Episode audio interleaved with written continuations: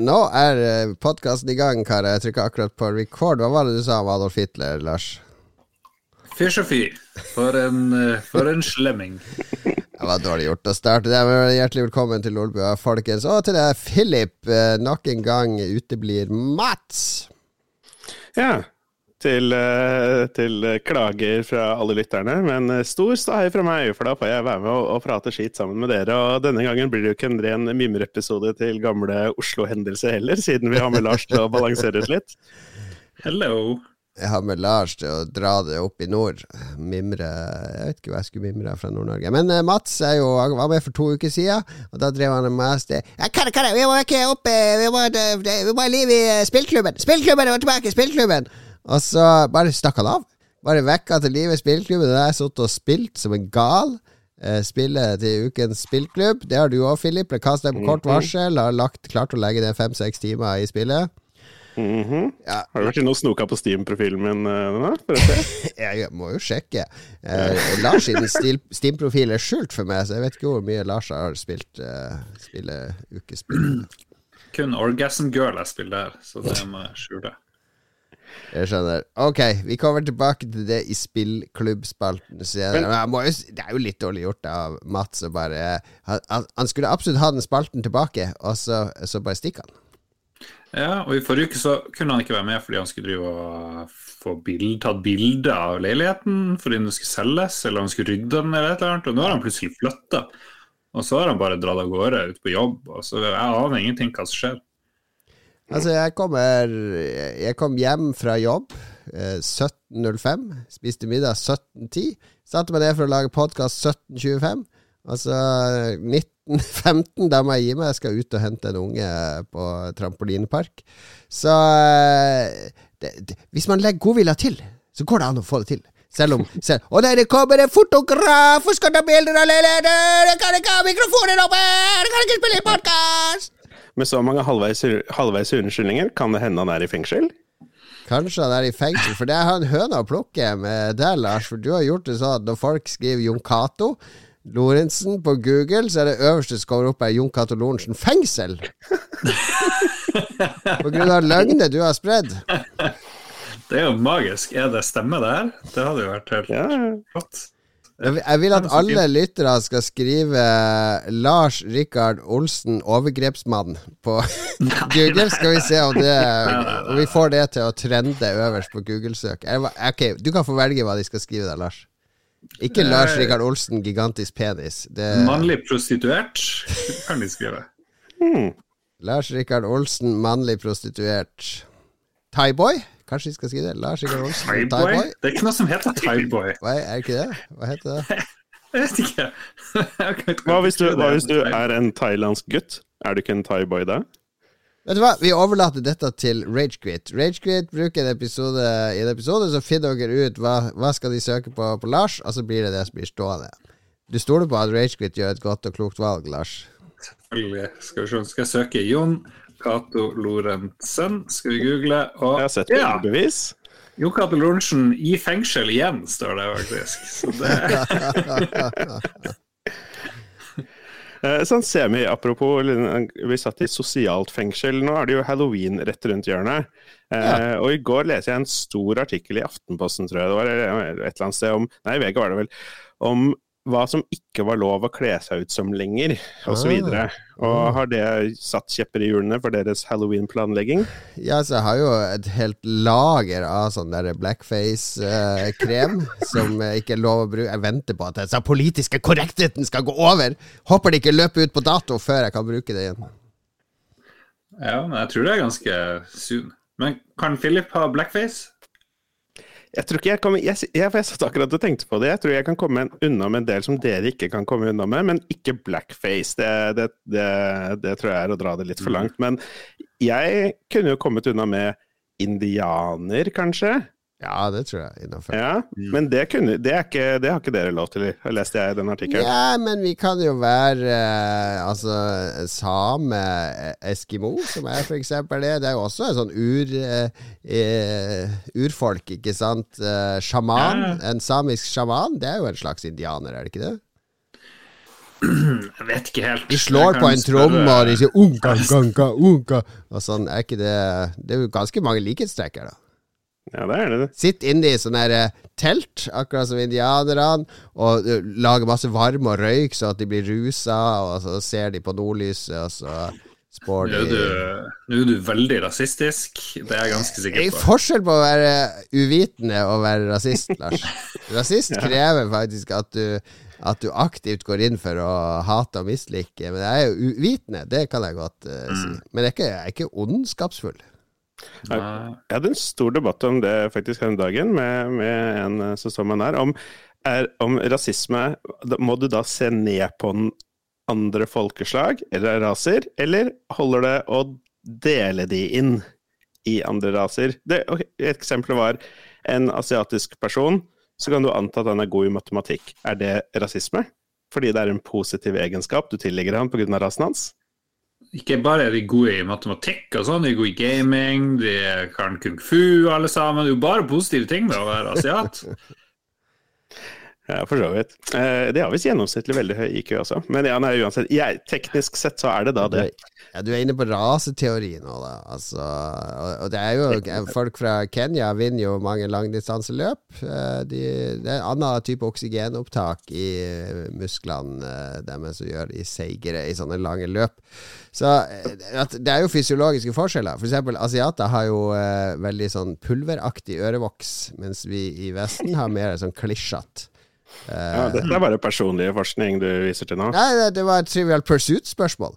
Har, har folk fra Asia samme type ørevoks som oss i Norge? Uh, ja. Nei, det har de ikke. Å ja, ok. Da lærte vi noe nytt. Hvis det står i Trivial Person, må det jo være rett. Men hvis jeg hadde fått tak i en samedrakt og brukt den på helgas halloween-party, dere hadde ikke syntes det var noe kult? det hadde vært veldig upopulært her oppe i Kautokeino, hvor jeg er. Ja. Du hadde hengt i en tynn tråd. Ja, jeg bare spør, jeg. Jeg kan avsløre at jeg ikke har planer om å gjøre det. Det er bedre å henge temperaturen datt til bånn her i sendinga. Ja, ble kjent hva. Philip skulle gjøre på halloween. Indianere, men ikke rød samene noe særlig. Det er bedre å bli hengt i en tynn tråd enn i et tjukt rep, da. Eh, mindre farlig hvis det kommer en same og skal henge deg med en sytråd, liksom. Ja, For å være helt ærlig så har jeg hatt i veldig mange år eh, en stor sombrero liggende, som jeg bare tar på meg når det er halloween, og så er mye av jobben Og da roper du bare 'Ay caramba! Ole, ole!' og løper rundt og drikker cerveza. Siden Men, vi er liksom på tema, jeg drev og spurte kjæresten i dag om eh, alle i Afrika, om de er urfolk. Eller ikke alle, kanskje, men om de fleste er det. Du spurte kjæ ja, svarte kjæresten din. Jeg visste Ja, ikke. altså, Hun begynte å google hva urfolk var for noe. teknisk sett er vel urfolk bare noen som har bodd der veldig lenge. Jeg vet ikke hva Opp, urfolk er. opprinnelig, holdt jeg på å si. Som samer i Norge, etc. Ja, det er folk som bodde et sted før det ble et annet sted. Mm. Men eh, noe annet angående deg og kjæresten din, eh, Lars, eh, og deg og Jon Cato. Har du noen gode forslag til eh, kule parkkostymer til halloween? For jeg og Gellaré, vi har jo tidligere gjort det åpenbart beste for oss. Eh, per Sandberg og Bahareh Letnes Ja, det er Eh, genialt. For et par år siden. Det, det er over all forventning. Det er greit å kle seg ut som en Frp-politiker. Ja, jeg måtte whiteface meg da. Jeg fikk noen uh, store øyne da. Men, ja. Nei, men, uh, men utover det så er jeg ikke helt sikker på hva som hadde vært gøy å gå med som, eh, som parmessig. Sånn rent bare for å vise oss frem, så blir det jo Aladdin og Jasmin. Men uh, jeg vet ikke Det helt. er litt kjedelig. Det er litt Ja, ikke sant. Det er ikke helt kult nok. Mm. Nei, hva foreslår du, Lars? Ja, jeg tenkte på de der uh, tentakelfolkene i uh, Day of the Tentacle. At den ene er rosa, den andre er gul eller grønn, eller hva slags farge de er. God idé. Mm. Det er mitt bidrag. Jeg tenker kan gå hun Gelaré kan være Max Verstappen, og så kan du være Louis Hamilton. Eh, så dere gå og krangle og vise Du kan være litt sånn hoverende og ja, 'Gratulerer med seieren, Max', og så kan hun være litt sånn 'Fuck you, fuck you, fuck you'. Det er jo helt vanlig, er det ikke det? Ja, det er bare beskriver en hverdag. Nei, Jeg kommer ikke på noe med det, det var et dårlig forslag. Men hva skal vi kle oss ut som til halloween, da, Lars? Mm, ja Hvis vi er, hvis vi er i Formel 1-verden Jeg vet ikke. Jeg vil være han der eh, Vid Malja, han der som hadde Force India før det ble kjøpt opp. Før han måtte sånn- rømme landet. Ja, han måtte rømme landet. Liksom, hadde eide Kingfisher, tannkremimperiet og jeg vet ikke hva de hadde, dagligvare. Ja, ja, ja. Jeg var, Det- ja. min beste halloween, da var jeg ute med noe Jeg var på fest med masse damer. Venninne av eh, Liss, eh, hvis du husker hun, Lars. Ja, ja. Og hun ene var jo sminkør. Eh, Mm. Hun hadde med seg masse sånne sminkegreier. Da husker han ene uh, karen der. Hun, hun holdt på med han i tre timer og sminka han som Hulken. Det var sånn perfekt sånn skyggelagt uh, grønnfarge rundt øynene og munnen, og hendene òg. Så jeg gikk ut på byen, og det så helt smashing ut. Altså. Jeg ble bare sminka litt som en litt sånn sexy em emo-zombie. Jeg har, jeg har bare vært involvert i halloween med kostyme én gang i mitt liv, tror jeg. Ja. det var i Japan, og da kjøpte jeg sånne fake hjørnetenner. Sånn at jeg fikk sånn vampyrtenner og solbriller. Det var det, var det eneste jeg gidda å gjøre. Ja, Jeg har aldri gjort en innsats på halloween. Jeg kan ikke det, er jo halloween til søndag. Det er jo du tilbake i eh, Oslo, nei, Harstad, med, med din utkårede. Kan, kan ikke du invitere til halloweenparty lørdag hjemme hos deg? Kan jo det. Broderen er hjemme òg, da. Ja, ja, ja, er perfekt! Han kan jo kle, kle seg ut som en svenskejævel. Partysvensken. Partysvensken, det kan din bror være. Det blir bra. Åpent hus hos Lars Rikard i Heggenveien på lørdag. Halloween!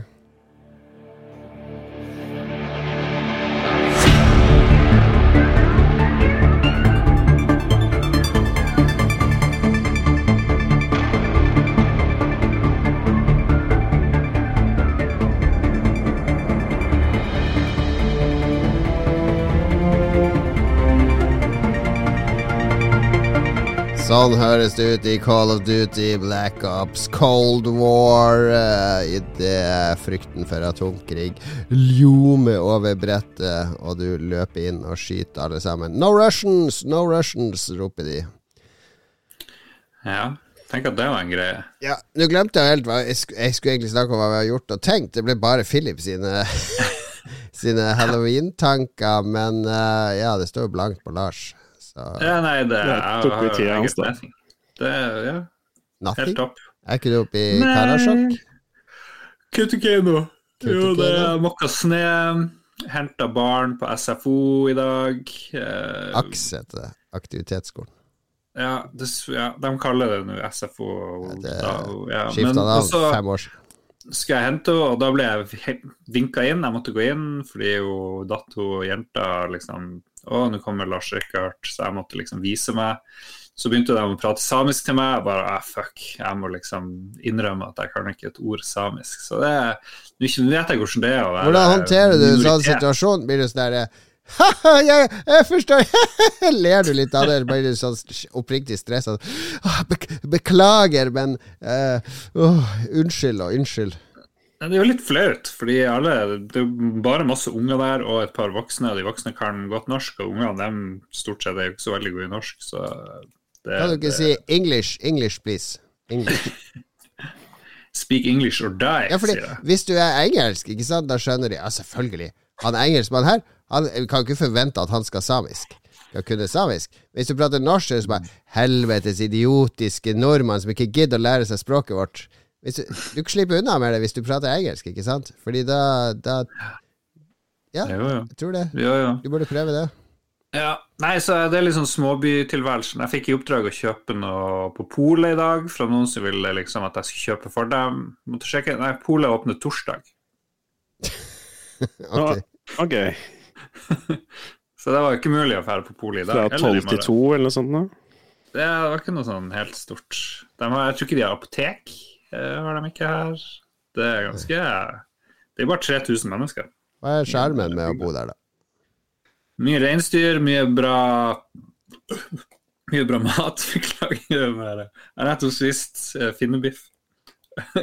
Apropos. Ja, men det, det, kan, det kan du spise hvor som helst. Altså God mat. Hva er, hva er skjermen? Hva er appellen? Hva er det som Må det være noe sjarm? Hva er appellen? Jeg vet ikke. Ja, jeg Er hører, hvis jeg leser mellom linjene, at du gleder deg veldig til å komme tilbake til Harstad til helga.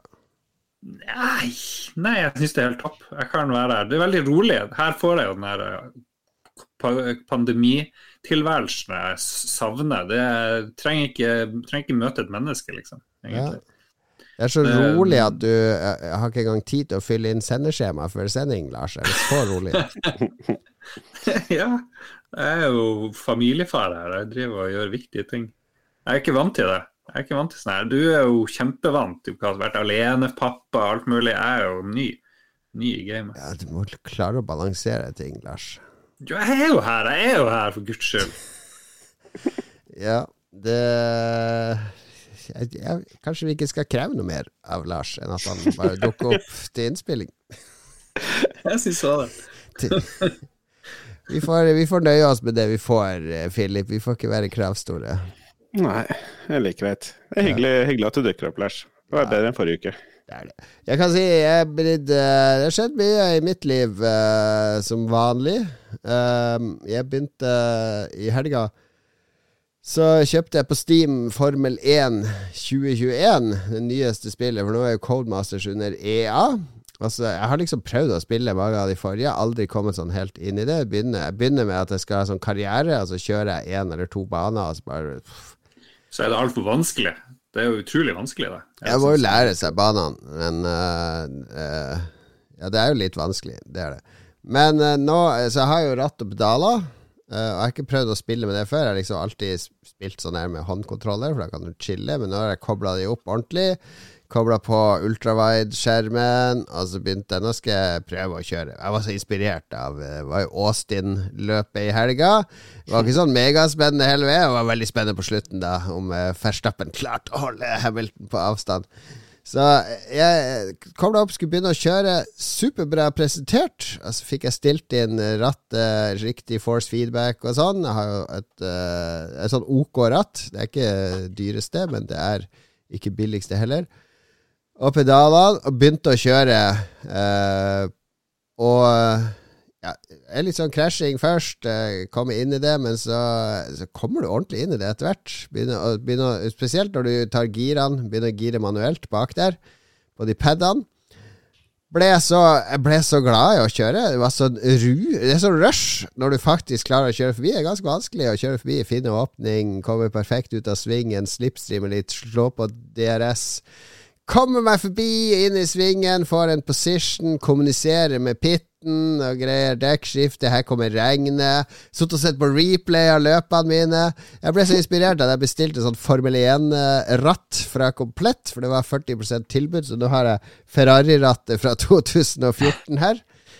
Eh, heldigvis hadde de ikke De har et sånt nytt Ferrari-ratt òg, med sånn innebygd skjerm. Det koster jo 6000 spenn, men heldigvis er ikke det mulig å få tak i, ellers hadde det vært farlig nær å bestille det òg. Og nå har jeg kjørt med ordentlig Formel 1-ratt, og i Aserbajdsjan for tida. Jeg har kjørt fem løp. Kjørte ut i Monaco, da. Monaco er jo Det, det er faen meg den verste banen å kjøre i. Det er så Det er mulig å kjøre forbi der, da. det er jo- mulig å kjøre forbi, og så er det jo nesten umulig å ikke treffe vegger og sånn. Altså det, det skal så lite Ingenting til før du liksom har vært borti en vegg, og da er vingen gått, og da må du inn og i pitten. Ja. De der uh, replayer eller videoer fra de der krappeste svingene, de er jo to sankt fra veggen hele tida. Ja, det er helt absurd. Jeg har ikke den i blodet. Men nå kjører jeg Aserbajdsjan. Den er litt samme òg, for den har også vegger overalt, men det er mye bredere bane, og den er utrolig god eh, fartsfølelse på. Så jeg driver og øver meg på Aserbajdsjan nå. Jeg skal kjøre løp senere, og jeg er helt hekta. Det er så Det er så det er et eller annet de har gjort, fordi før har det vært ganske kjedelig. Practice-moden Det har vært sånn tusen ting du skal gjøre i practice-mode for å få litt sånne utviklingspoeng. Men nå er det alltid bare tre ting, og de er ganske lette å gjennomføre òg. Og de gir deg nødvendig øving å kjøre på banen. Og ja, det er flyt. Det er bra. Jeg elsker det. Formel 1 2021. Det, det er det eneste jeg vil spille nå. Men Det er, ikke bare det, at, det er ikke bare det at du bytter fra stikke til hjul. Jo, det har mye å si, for det er mye kjedeligere innlevelse på st- st- stikket. Også, også med hjulet med ordentlig force feedback. Jeg kjenner jo i rattet når bakhjulene sklir ut, så jeg kan slippe gassen med en gang og, og rette opp. Du kjenner det når bilen understyrer eller overstyrer på en helt annen måte.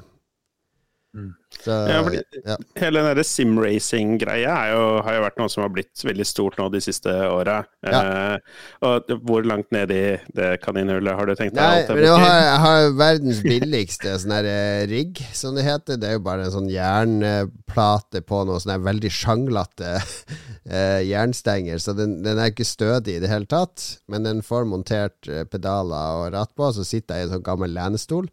Så jeg har vært begynt å se på noen videoer fra simracing-miljøet i Norge, og sett hva slags type rigg og sånn har de, og det, det, det, er sånn, det er et gigantisk kaninhull du kan Ja, falle sant? ned i der. Jeg drømmer jo om å ha sånn fullt sete og sånn greie ut- frittstående ut på gulvet, og så med den der Samsung eh, ultrawide-skjermen min montert oppå eh, hjulet der.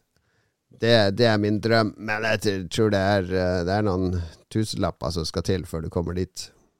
Eh, Nå er det jo en ny, eh, ny anledning til å dra til Kristian og prøve det der uh, bilmancaven hans når du begynner å bli god å kjøre og sånt. Ja, det er sant. Jeg gleder meg til neste gang jeg skal ut og kjøre der. Du har ikke vært og kjørt der ennå, Filip? Nei, jeg har ikke det. det er, eh, men det er også litt sånn at fordi hele den der bilsnakkgreia er sånn fordi jeg, helt siden PlayStation 1, så var det alltid en sånn Enten likte du Ridge Racer, eller så likte du Gran Turismo. Eh, altså megarealistisk bilspilling, eller så realistisk som mulig, eller liksom bare kjør crash, blam, sled og sånne ting. Og jeg likte den sistnevnte, da.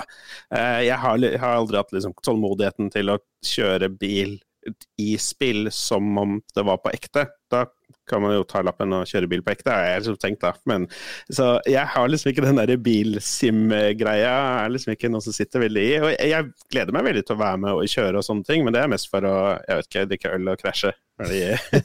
Eller en simracing-greie.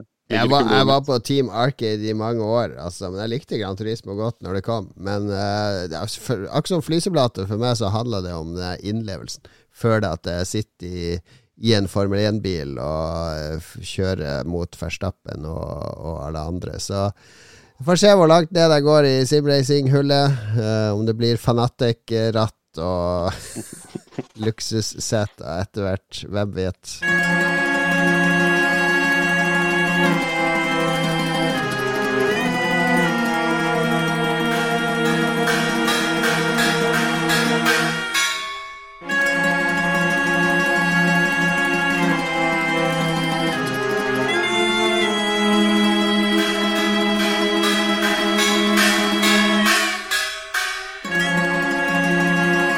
Veldig passende med litt Selda Majoras Mask-musikk i, eh, når det nærmer seg halloween.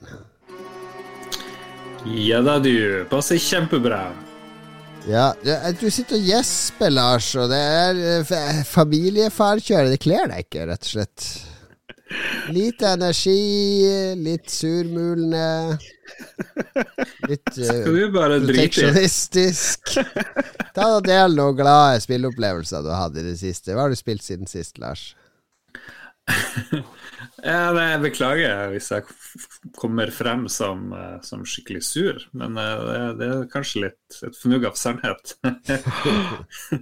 nei, hva har jeg spilt? Metroid Dread er det eneste jeg har spilt. Metroid Og- Dread. Ja, det har jo du spilt og snakka litt om. Oh, yeah. og Skrøt av. Jeg var, jo, jeg var jo veldig kritisk til at det er 3D. Min, min plattforming eh, i sånn her Metroid eh, Dania-univers bør jo være, og, og sånne her roguelike-greier, selv om det ikke er det, bør jo være pixel. Pixel, pixel. Jeg mener jo at det krever mye mer innsats å lage et, et vakkert er pixelbasert pixler, spill. selv om det er 3D. Ja, det, jo da. Ja. Nei, men det jeg er skjønner, sikkert bare tull. Ja, ja, ja. Men jeg må si det virker jævlig gjennomarbeida. Ja. Det er Det har den her Nintendo Magic. Det har jo det. Oh yeah. Så det er, litt, det er litt stress. Det er litt dread. Det er litt sånn Det er Det guffent å gå i de grå områdene med den der eh, roboten som jakter på deg. Ja, faen heller. Det er sånn her eh, Er ikke det litt rart? Du er Metroid da Samus. Du er verdens eh, største bounty hunter, og så er det masse monstre du ikke kan gjøre noe med. Du må bare stikke av. Det er som det der eh, Hva heter det? Resident Evil-skurken som bare går og trør etter deg. Det er litt sånn. Ja, det, Nemesis, eller hva det heter. ja, ja, ja. det er en skikkelig kjip følelse. Jeg liker ikke det. Skjønner hva du sier. Ja, så, må du, så kan du Jeg har endelig fått mulighet til å bli usynlig. Nå kan jeg liksom gå og snike, snike rundt. Jeg har ikke lyst til å snike rundt. Det er helt meningsløst. Det gidder jeg ikke. Men eh, det er jo, det er jo Men du tar det jo til slutt, og da åpner jo hele området Ja. seg. Det er veldig deilig, da. For plutselig Å, da kan jeg gå fritt rundt der og utforske. Og... Ja da. Jo. Nei, det, det, jeg bruker å være litt skeptisk til kontrollene på, på Switch. Hånd, håndholdt Switch går helt greit, men jeg skal gjerne ha en pad, altså. Skal gjerne ha en pad. Tvunget til å bruke den bærbart på reise. Tvunget. Du kan jo ha med dokken og koble den til en TV. Eller har de ikke TV oppi TV2? Nei, de har ikke TV. De er veldig fattige. Nekter å Du betale gjør narr av at de ikke har TV. Ja, men det er, det er et ærlig spørsmål. Du, du Du kan måtte brenne. TV-en for å få varme, OK? Skikkelig dårlig varme i TV. Før var det jo lagd av ved og sånt. Nå er det ikke det. Ok. Vi solgte det for kobberverdier.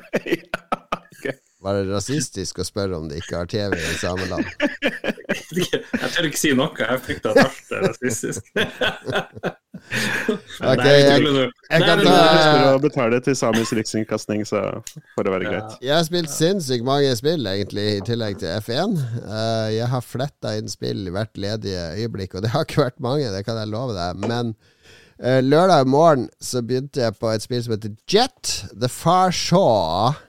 Jet med to t-er, The Far Shore. Uh, for det er laga av uh, de samme Hvis du husker Sword and Swazery. EP, Mm, som var ute på Ja. iPad og telefon. Uh, hva heter de? Super Brothers? ja, sykt bra. Han der Guthrie lagde musikken, veldig fin musikk. ja, og Jet The Far Shore er et, eh, det er et veldig mm, Hva skal jeg si melankolsk spill om eh, en planet som holder på å gå under, og så er du eh, en sånn nomade. Begynner inne i et sånt telt, ut, nesten ute i sånn sameland. Sånn steppe ute Tenk på sånne russiske eh, sånne hestenomadefolk. Begynner ute i et sånt telt med en sjamandame. Sier nå må, du, nå må du dra, du er den utvalgte. Og så kommer du ut, og så står alle folka og synger for deg. Det er helt magisk. Det blir helt magisk lydbilde i det, i det spillet. her Og så må du gå gjennom folk, si ha det til mamma og pappa, og så til et sånt lite flyveskip. Og så flyve over havet mot hovedstaden, og der står det tusenvis av folk og synger for deg. Uh, der møter du resten av mannskapet, så inn i et sånt romskip, en rakett, opp. Og så oppe i orbit så er det et sånt digert romskip fordi planeten holder på å gå under. Så vi skal kolonisere en ny planet som bare er 1000 lysår unna. Så, så seiler dette svære skipet, da, tar 1000 år, og da er du ved den nye planeten. Da skal du lande ned som første eh, styrke, da, og mot et sånt fjell som har sendt ut et signal. Fordi det er noe sånn religion her, de følger signalet til dette fjellet, de er overbevist om at dette er den nye verden de skal overleve på. Veldig spesiell stemning gjennom hele spillet, og lydbildet er helt sånn Det er litt sånn Philip Glass-aktig musikk, hvis du har sett Kojana Skvatski, eh, den meget filosofiske eh, film, 80-tallsfilmen om byer og folk. Åh, nå høres jeg ut som en sånn Morgenblad-kultursnobb. Men Ja, det er jo fordi du er det. ja, det er fordi jeg kan ikke skjule, kan ikke skjule hva jeg er. Men det er, eh, det er noe spesielt med det spillet. Det er litt sånn knotete kontroll og litt sånn du, stor, eneste du gjør, er å fly det lille craften. Men det minner meg av en eller annen grunn om noe sånn klassisk eh, Amiga-type Commodore 64. Fly rundt og What?! Ja. Et Men eller annet der. Jeg, jeg må bare spørre, fordi jeg bare hang meg litt opp i det. Eh, alle de i landsbyen din, de som roper på deg, og du liksom hurra og sånne ting, og du sier farvel til, de dør? Ja, de dør. Altså, det er et spill med store tanker om Fordi det er tusen år frem i tid, så du vet jo at alle de er døde. Altså, hva er det egentlig du prøver å bevare? Hva er det egentlig vi skal Hvordan skal vi ivareta kulturen vår her? Eh, og hva er det gjør, Hvordan skal vi leve i samspill med denne planeten? For det er masse sånn er rart på den planeten som du må drive og skanne og utforske mens du flyr. Jeg elsker, jeg elsker de tankene du får av det spillet. Det gjør det jo Mm. litt mer interessant. Jeg leste, Ja. leste Jeg har anmeldelse, og de var ikke så imponert over spillet da, og mente at det var mye flås og sånn, og du er jo litt inne på det, men Ja, det er mye flås, men det er noe bak. Altså, jeg vil jo heller se en, eh, en ikke så velprodusert eh, film som får meg til å tenke, enn en sånn der superpolished blockbuster, ikke sant? Mm. Jeg er litt i, i den campen der, men ja ja. Philip, ja. skal, du, du se, skal du se blockbusteren og, eller filmene på HBO Max? Det kommer jeg på. Det ja, det må jeg sjekke ut etterpå. HBO Max. Det eneste jeg la merke til, var når de, de har hatt masse reklame for det på Twitter og andre steder. Litt sånn klipp fra ditt og datt, og så står det der Ikke alle titler er tilgjengelig eh, fra dag én. Hva betyr det egentlig? Hvilke titler? Men har dere sett at de har 50% rabatt livet ut? What?! Rabatt?! Ja, de har en sånn greie gående nå om at Men det er kun for nye kunder. Så hvis du har hatt en HBO-greie fra før, så må du lage en ny e-post eller registrere deg med en ny bruker. Det er bare til å gjøre det, for så vidt. Eh, Og da får du 50% rabatt eh, på månedskostnaden, eh, som sikkert da vil være 50% av gjeldende månedskostnad for alltid. Eller frem til du kansellerer for første gang. Ja. Altså så lenge du holder abonnementet i gang. Men Så finnes det kanskje et årsabonnement som er litt sånn bra òg, men det her er jeg, månedsabonnement. Mm. vet at det gjelder ut til 30. november, men jeg, jeg vet ikke, du virka veldig hypa for dette, Lars. Er dette noe jeg må kaste meg på med en gang? Det er ikke så mye å gjøre der oppe i Kautokeino, vet du. Uh, mer TV! Ny mer TV-kanaler! Vi ikke har TV å se på. Å nei, nei, jeg kan se på mobilen. Ja, nei, jeg kunne sett på mobilen eh, med lys, nei, strøm fra solcellepanelen. Nei, men eh, det ser greit ut. Det ser jo mye bedre ut enn HBO Nordic, og det skal jo veldig lite til. da. Men det er ikke like smooth som Netflix. Det er vel ingenting som er like smooth. Når du går fra én meny til en annen, så tok det litt for mange sekunder. Men nå så jeg jo det her på en veldig gammel mobil, da, selvfølgelig. Eh, skråstrek TV. Så vi får se om Men- det funker bedre på nye TV. Men har, har HBO så sjukt mye man har veldig lyst til å se, eller er det bare Jeg vet ikke, jeg er inne og ser nå uh, her i browseren. Det er Friends, liksom? Det er Gossip. Girl? Det er jo ingenting nytt der. Du får noen sånne nye kinofilmer. da. Du får de her eh, Justice League og litt sånn. Gjør. Er den her? Den er ikke her. Ja, ja, ja. Den er verdt å se. Den er bra. Justice League. Nei, ikke Justice League. Hva heter det? Suicide Squad. Den nye der. Den er bare på Justice Netflix, League da. er jo fra 2000. Nei, ikke. Suicide Squad, men ja, Emancipation. Justice League var kanskje også der, jeg husker ikke. Den der nyklippen og Suicide Squad. Ja, ja, men det er jo serien du ser det for. Det er ikke Det jo noe for se- Suicide Squad. Jeg trodde Dune skulle jo, være her på fant, dagen. jeg, jeg fant Suicide Squad. 2021. Hvor er Dune? Dune. Dune. Kanskje det der. Jeg vet ikke. Skal den komme? Eh, Skal den ikke det? Alle Ringenes herre-filmene er der, men ikke i extended edition, så de er jo ikke verdt noe som helst. Herre Jesus. Max Jeg må søke. Det blir veldig bra radio, det her, folk. Ja, jeg, fant, Det jeg fant Justice League òg, så de har jo DC. Alt greier. jeg sier, er rett. For en gangs skyld. Høres mest overraska ut selv. Jeg fant Dune-trailer, men Dune er tydeligvis ikke der. Ja, ja. Det, Ja, vi jeg bare- får ja. eh, studere dette i ettertid. Jeg fant ingenting. Nei, jeg lurte på altså, hvorfor dette var så hype. Uh, i et, det føles nesten ut som det er mest hype fordi det er en forbedring over det ræva brukergrensesnittet som HBO Nordic hadde. Ja, på en måte. Det er vel mest derfor. Og så er det Curb Your Enthusiasm, ny sesong. Sesong 11? 12? 11? Mm. En ny sesong av Be Foreigners, som vel er norsk, er den ikke det? Ja, ja, med Nicolai Klevebrok. Mm. Ja. Ok, Ja, ja. kjempebra radio.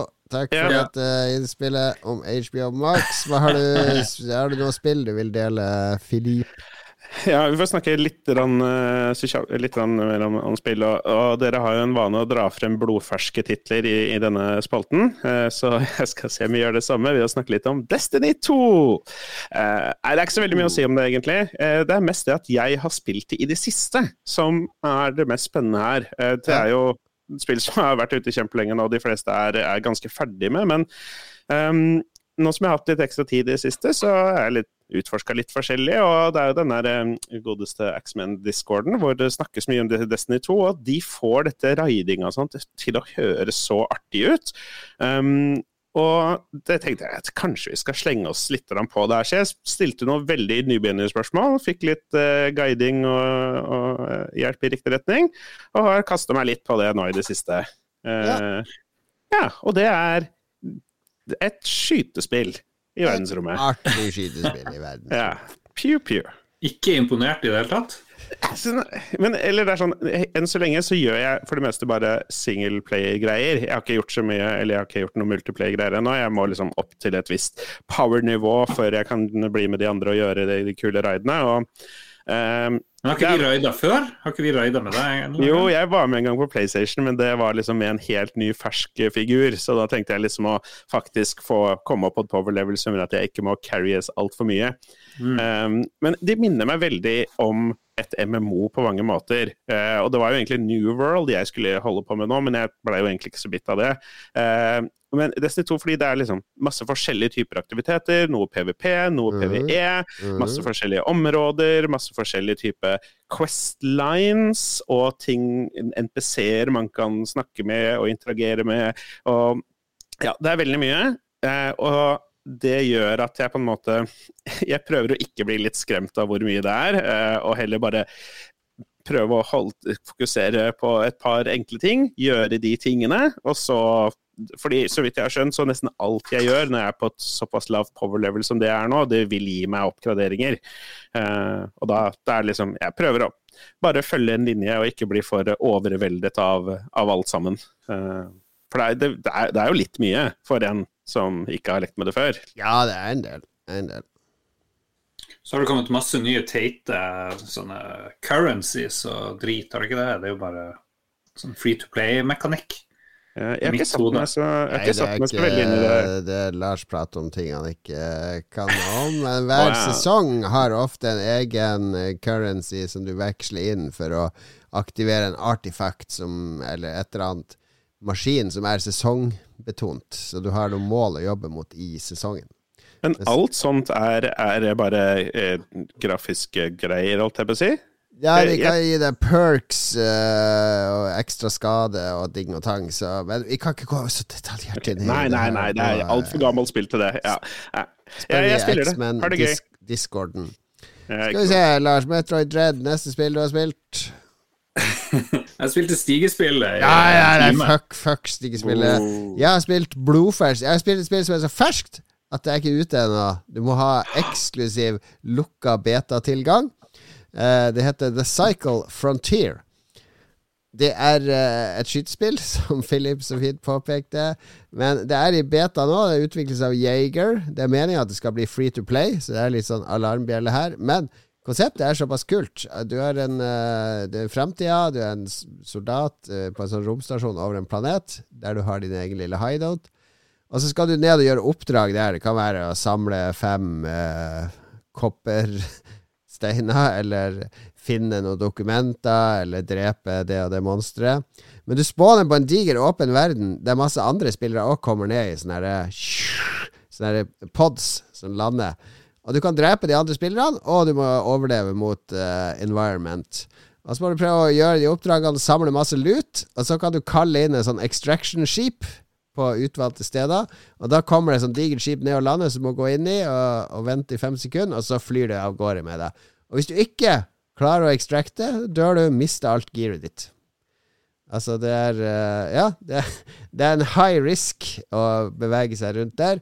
Må vurdere hvis du ser en annen spiller. Ok, skal jeg skyte på han, skal jeg ikke? Han har ikke sett meg. Det, er, det har den der nerven fra Tarkov. Escape from Tarkov, den der permadeath-greia. Ja, det høres ut som Tarkov in space. Ja, men det har samtidig litt sånn feelinga fra Hva skal jeg Returnal? si Destiny. Altså, du løper rundt på en planet med masse PVE og monster og, og masse ulike typer våpen. Så det, det er en kul, en kul, greie på gang her. Eh, fordi det som Tarkov gjør feil, syns jeg, da, det er at alle La oss si det er åtte spillere på et kart. Alle spawner inn samtidig på faste spawn points, og så har alle 40 minutter på å lute og drepe og komme seg ut. Mens her så virker det som det er én verden der, der en annen spiller kan lande etter fem minutter, det kan komme en spiller etter ti minutter. Altså, ting er levende og i en sånn stor sammenhengende verden. Mm.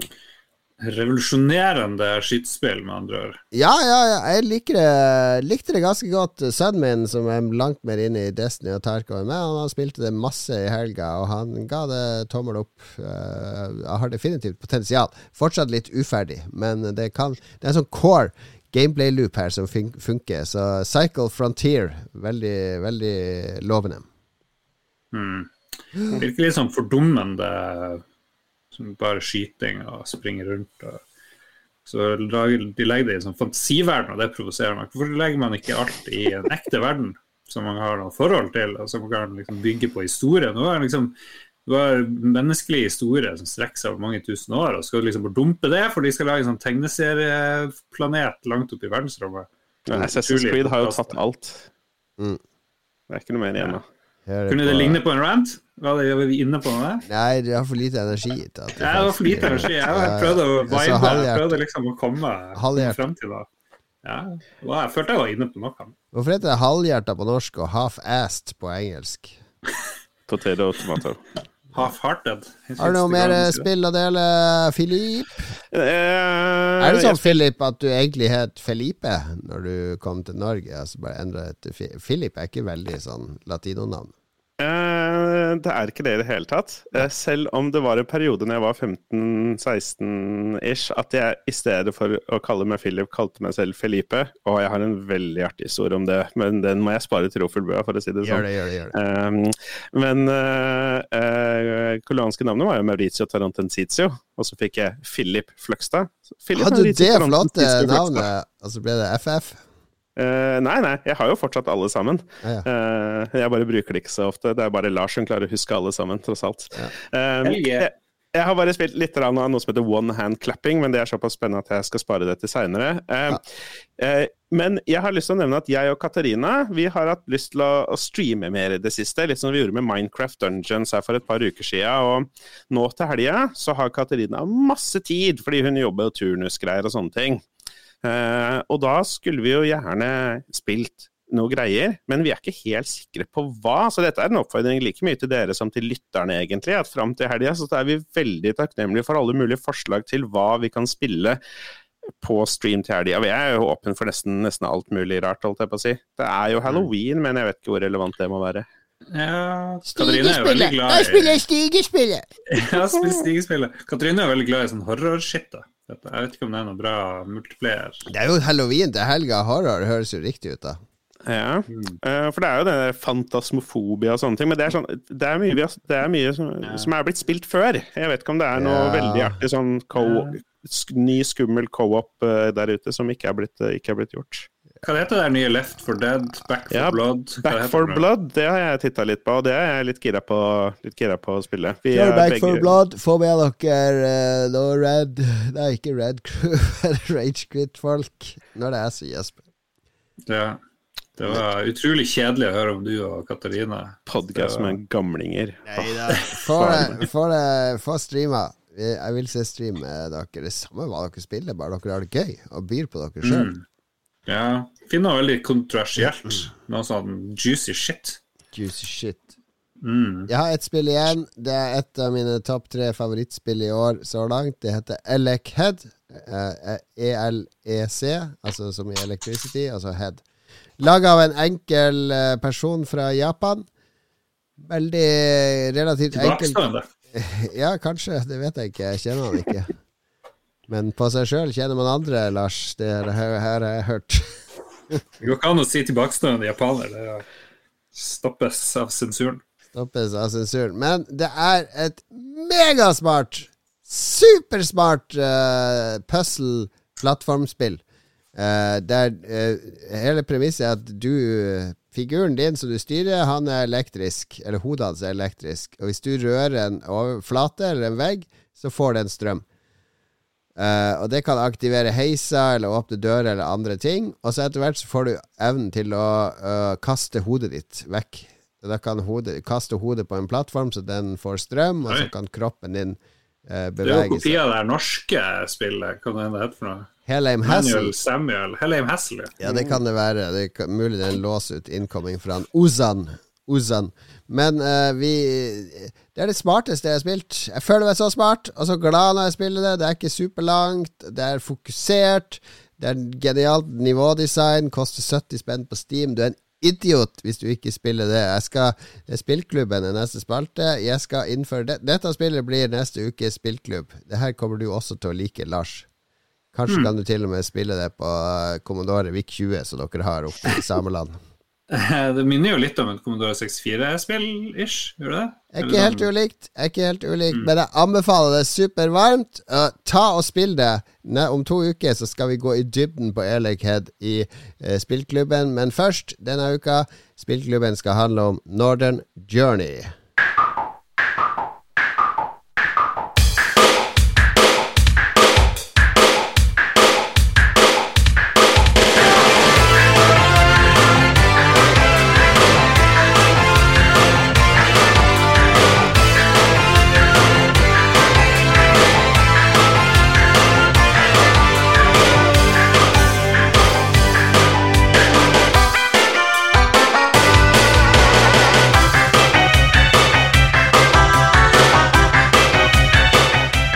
Oh yeah, litt uh, Super Mario Brothers 3 remix-musikk. Jeg tror det er fra Aki Hva heter det uh, elektronikkstedet i Japan, uh, Lars?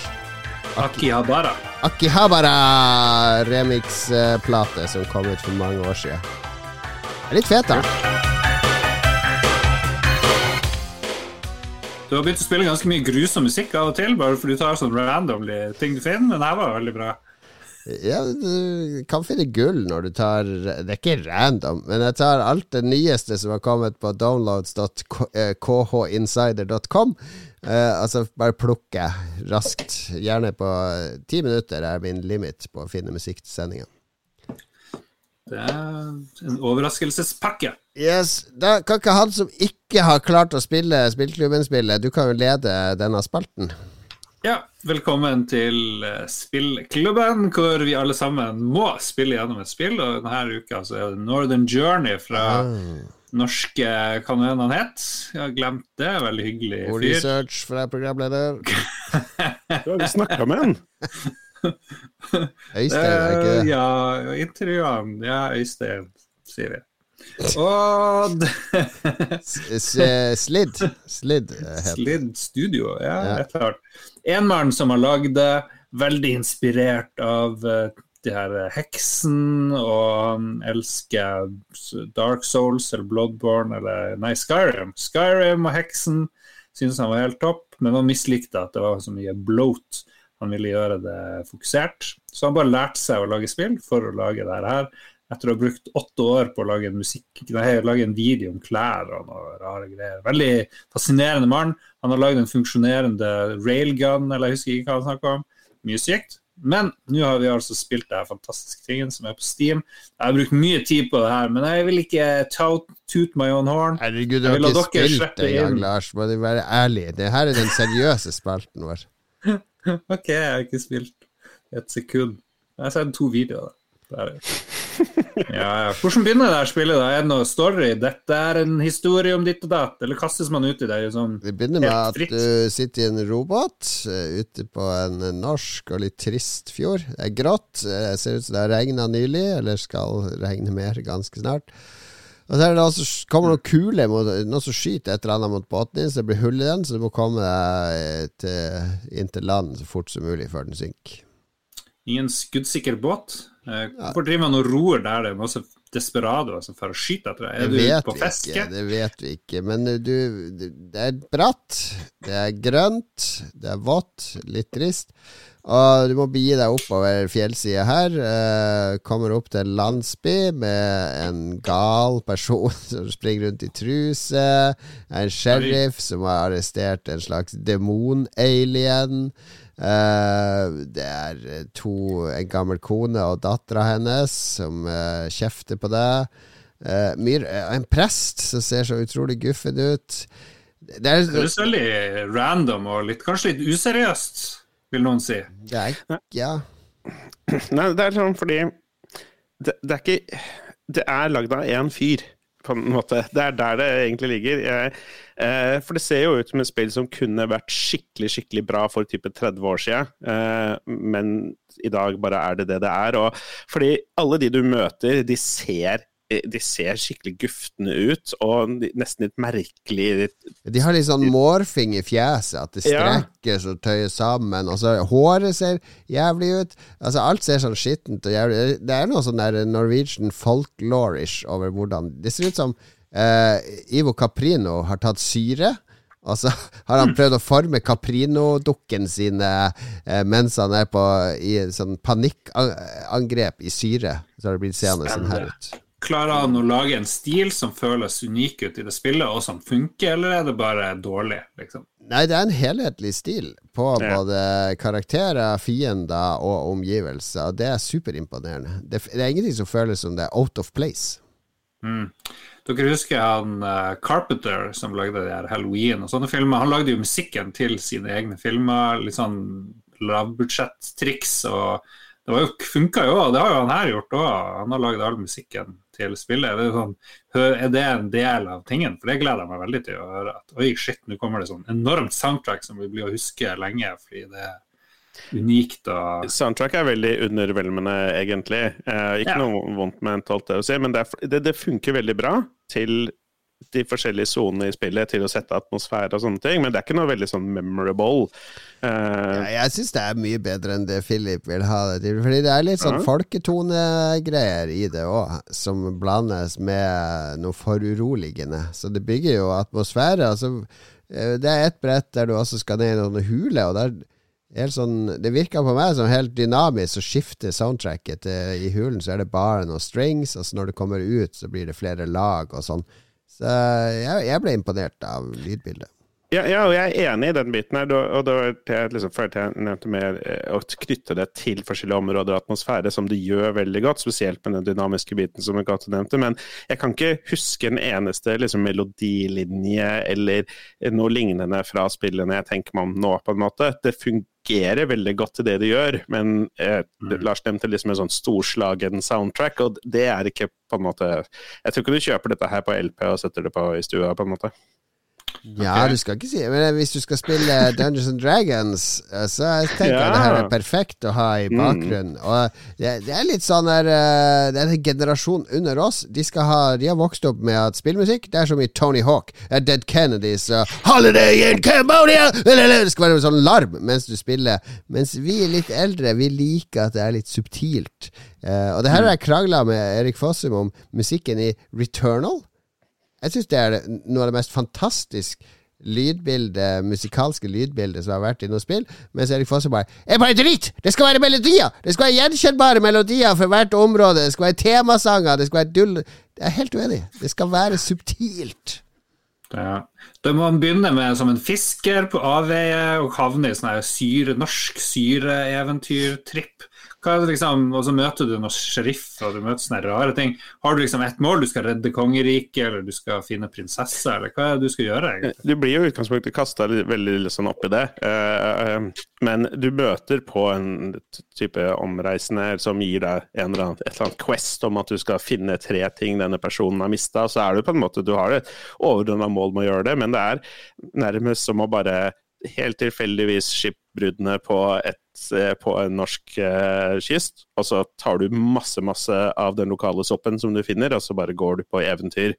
Um, fordi eh, du har som sagt et mål, og du vet på en måte ok, jeg må inn i skogen, for det er neste område, og så har du flere delmål til å ta deg videre, og så videre, og så ja, dukker det opp flere sånne quests etter hvert. Uh, uh, jeg jeg, jeg, merker kanskje det at jeg skulle ønske jeg hadde liksom tre ganger så mye tid med det som jeg har. Jeg har fått spilt en del, faktisk. En fire-fem timer, kanskje. noe sånt, Men eh, jeg tror dette spillet er veldig svært. Ja, det er gigantisk til å være laga ja. av én person. Og det er digre nivåer Så eh, du må utforske litt på kryss og tvers. Og det er sånn Dark Souls-shortcuts uh, som du låser opp. Mm. Kommer opp et steg og slipper ned en, uh, en hengebro eller et eller annet. Så plutselig så har du access tilbake til der du var før. Og det er et helhetlig nivå. Jeg skjønner ikke hvordan én person har fått til det her. Uh, han må ha en sånn der uh, produksjon, uh, utviklings- og produksjonsprosess som er helt sånn der Ha en evne til å gå videre hele tida. Og avslutte ting og gå videre. Fordi det, det, er helt ubegripelig for meg at en person har klart å lage det her på fire år. Eller hvor mm. lenge, lenge han har holdt på. Man kan jo gi sparken til 90% av alle spillutviklere hvis alle var like produktive som han. der. Ja, jeg så jo en, en video Han har, laga, han har laga litt sånn artig video av seg sjøl, der han sitter og leser på av en bok foran noe eh, stearinlys og sånn, og der han forteller at eh, han hadde ingen intensjon om å være innovativ eller revolusjonere noe, men han visste nøyaktig hva slags gameplay han ville ha, hva slags spillmekanikker han ville ha, og så bare gjorde han det. I stedet for å drive og skal forske frem og liksom finne opp kruttet på nytt og alt mulig sånn. Jeg syns det er en utrolig pragmatisk og god eh, mm. tilnærming. Ja, fordi gameplay-messig så er det jo ikke noe nytt på noen måte. Det er jo liksom du styrer rundt i en 3D-verden, og så kan du hoppe og løpe. Eh, det er mye, det. Eh, du, ja. du, plukker opp noen våpen etter hvert, så det er en type kampsystem. Låst dør, må finne nøkkelen ja. et sted, osv. Classic. Classic, classic. classic. Så, så det er liksom ikke noe ved det som gjør uh, spillet bra. Fordi De første 20 minuttene jeg spilte det, så syntes jeg dette var veldig merkelig. Jeg skjønte ikke helt hvorfor vi hadde valgt dette her. og Spesielt fra videoene jeg så på forhånd, så virka det utrolig lite spennende. Men når du kommer litt inn i det, så blir du skikkelig grepet av på en måte den, den atmosfæren som spillet setter. da, At du er en litt sånn mystisk eh, ja, Tilstedeværelse. Tilstedeværelse ja, ja, i spillet. Ja, veldig. Og det er sånn Jeg, jeg syntes liksom nøkkelen Nøkken og sånn virka som veldig kule skapninger når jeg var liten. Og så ble jeg jo skuffa når jeg vokste opp og fant ut at Nøkken ikke var ekte.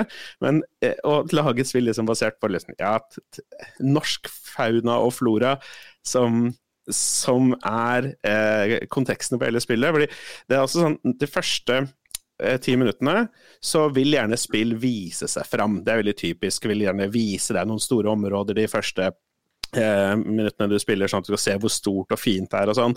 Og dette spillet ga deg en ganske sånn grumsete, brun, eh, litt sånn grå ettermiddag-type omgivelser. Men det er, men når du på en måte får spilt litt, så er det skikkelig spot on for veldig mange steder i Norge som kunne vært nøyaktig sånn. da. Mm. Eh, det, det, likte jeg veldig godt. Det er veldig gjenkjennelig i den norske naturen. Mm. Og jeg syns det er litt sånn nærliggende å sammenligne litt med eh, Draugen fra Red Thread Games, som også er, spiller litt på den norske naturen. og, og Starter også i en båt. Nostalgi. Ja, starter òg i en båt, mens der Draugen er mye mer uh, Det er ett sånn lite polert uh, område, et bakgrunnsbilde, så er hele Northern Journey er reisen i den norske naturen. Uh, han sa jo også det i en video, at han ville jo at det skulle handle om reisen. Det å gå, og utforske og se ting var, er jo noe av det han satte pris med på i, i Elder Scrolls-spillene. Mm. Og det har han virkelig naila. Jeg elsker å utforske denne verden. Føler meg veldig til stede. Jeg, jeg er så positivt overraska som jeg kunne bli av det spillet her. Jeg hadde jo trodd at det skulle være litt kult, men det er, det er noe med Det føles som Quake. Det er det tempoet, høyt tempo, kampene er raske. Det er kult når du får litt nye våpen, og jeg, jeg, jeg, jeg storkoser meg. Jeg syns nesten kunne spart seg det kampsystemet. Jeg er nesten på randen her. Jeg, jeg syns ikke det er noe gøy. Generelt sett så er det Jeg møter fiender, og så kiter jeg de bakover uh, mens jeg skyter på de, og så dør de til slutt. Ja, så, ja, klassisk. Ja, det, det, er litt.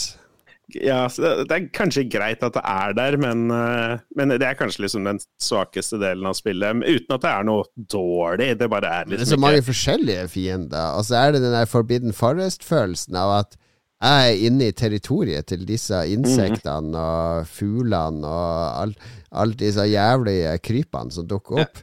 Det, er jeg som er inntrengeren her. Ja, og det er noen sånne noen ganger hvor det sånn Å, den hula her kan jeg sjekke ut, den så veldig kul. Og så går du litt ned i hula, plutselig hører du sånn Brrr! Og så kommer det en bjørn løpende mot deg, og så tenker du å, å, dette er hula til bjørnen, liksom. jeg er i feil område. Jeg møtte en elg som angrep meg for å være i området hans. Og, ja.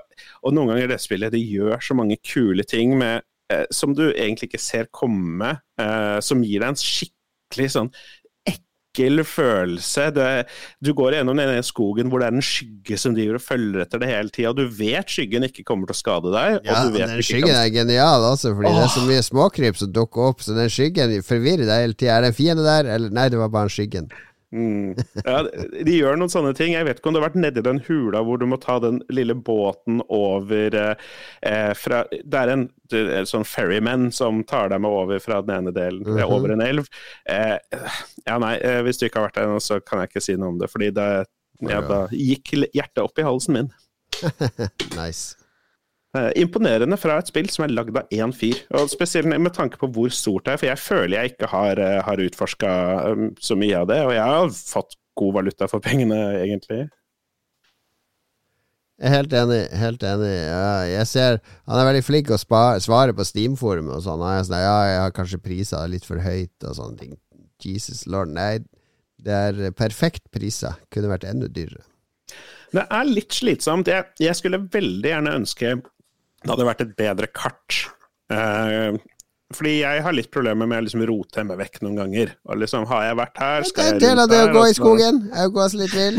Backtrack. Ja, det var der vi skulle. Har du ikke sett på 71 grader nord? Dette er 71 grader nord-opplevelsen. Eh, det er det med generasjonen under dere, vet du, som er litt mer utålmodige for å ha et klart mål, osv. Hold deg til 69 grader nord.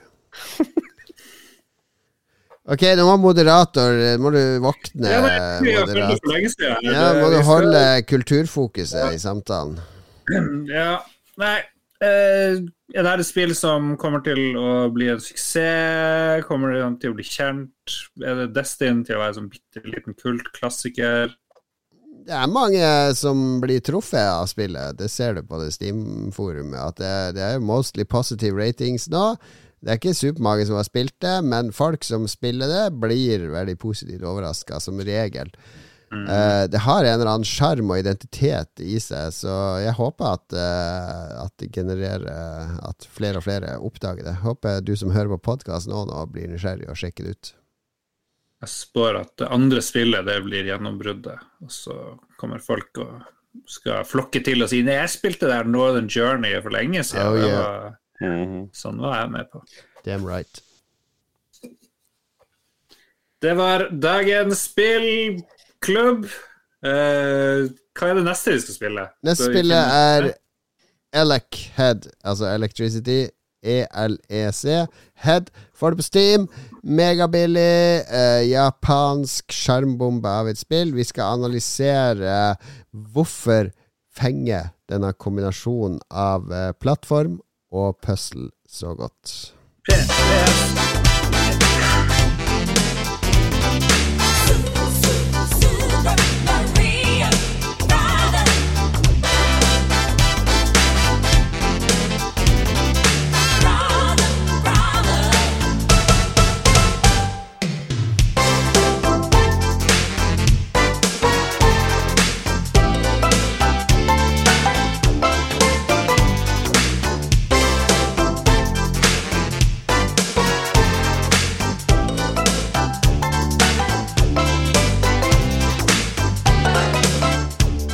Super Mario Brothers, som de to damene synger i starten. Det jeg skulle si før vi moste på videre, fikk vi noe lytterbidrag til uh, spillklubben? Nei, nei nei Vi fikk klage på at uh, vi hadde, ga de for lite varsel. Ja, for lite ja. frist. Men uh, ja, Fettesten har spilt i hvert fall, og han likte det, men han rakk ikke å komme med bidrag. For en, for en fetthest. Men da blir det Elk, det, det Elkhead som neste, da. Elkhead, neste spill ut. Skal, jeg skal oppdatere uh, discorden nå, mens uh, du, Lars, kan uh, Har du noe å anbefale? Ja. Jeg var veldig kjapt skytende, siden det da ikke ble Doki Doki Literature Club eh, denne gangen, så må det stå på lista da til neste neste gang der igjen. Mm. Bare ha det i bakhodet. Det, det, er et fantastisk spill. Jeg tror ikke Jon har spilt det, jeg vet ikke helt. Ja. Uansett, vi skal gå over på anbefalingen. Jeg har leita i flere år etter en bokserie som jeg har lest en eller annen gang. Husker ikke når, husker ikke helt hvordan. Tror det var på Kindle.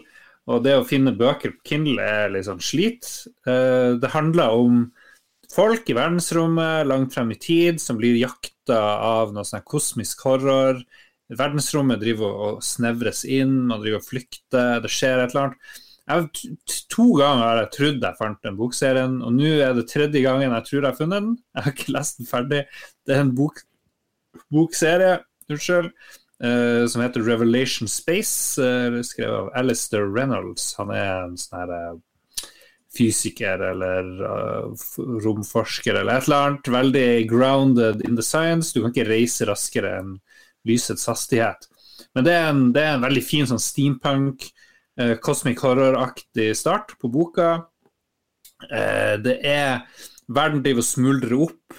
Eh, det finnes raser som har levd før, som har funnet opp bedre ting enn det som menneskene og andre folk klarer å gjøre nå. Eh, du begynner i et sånt romskip som er flere kilometer langt. Det inneholder sånne skoger og planter og ting som bare driver og råtner opp. Det er bare fire mennesker om bord i det der eh, kilometerlange romskipet. Den ene har nettopp blitt gal. Han driver, driver og mumler om noe sånn Sunstealer. Han har tydeligvis mista for mye sanity.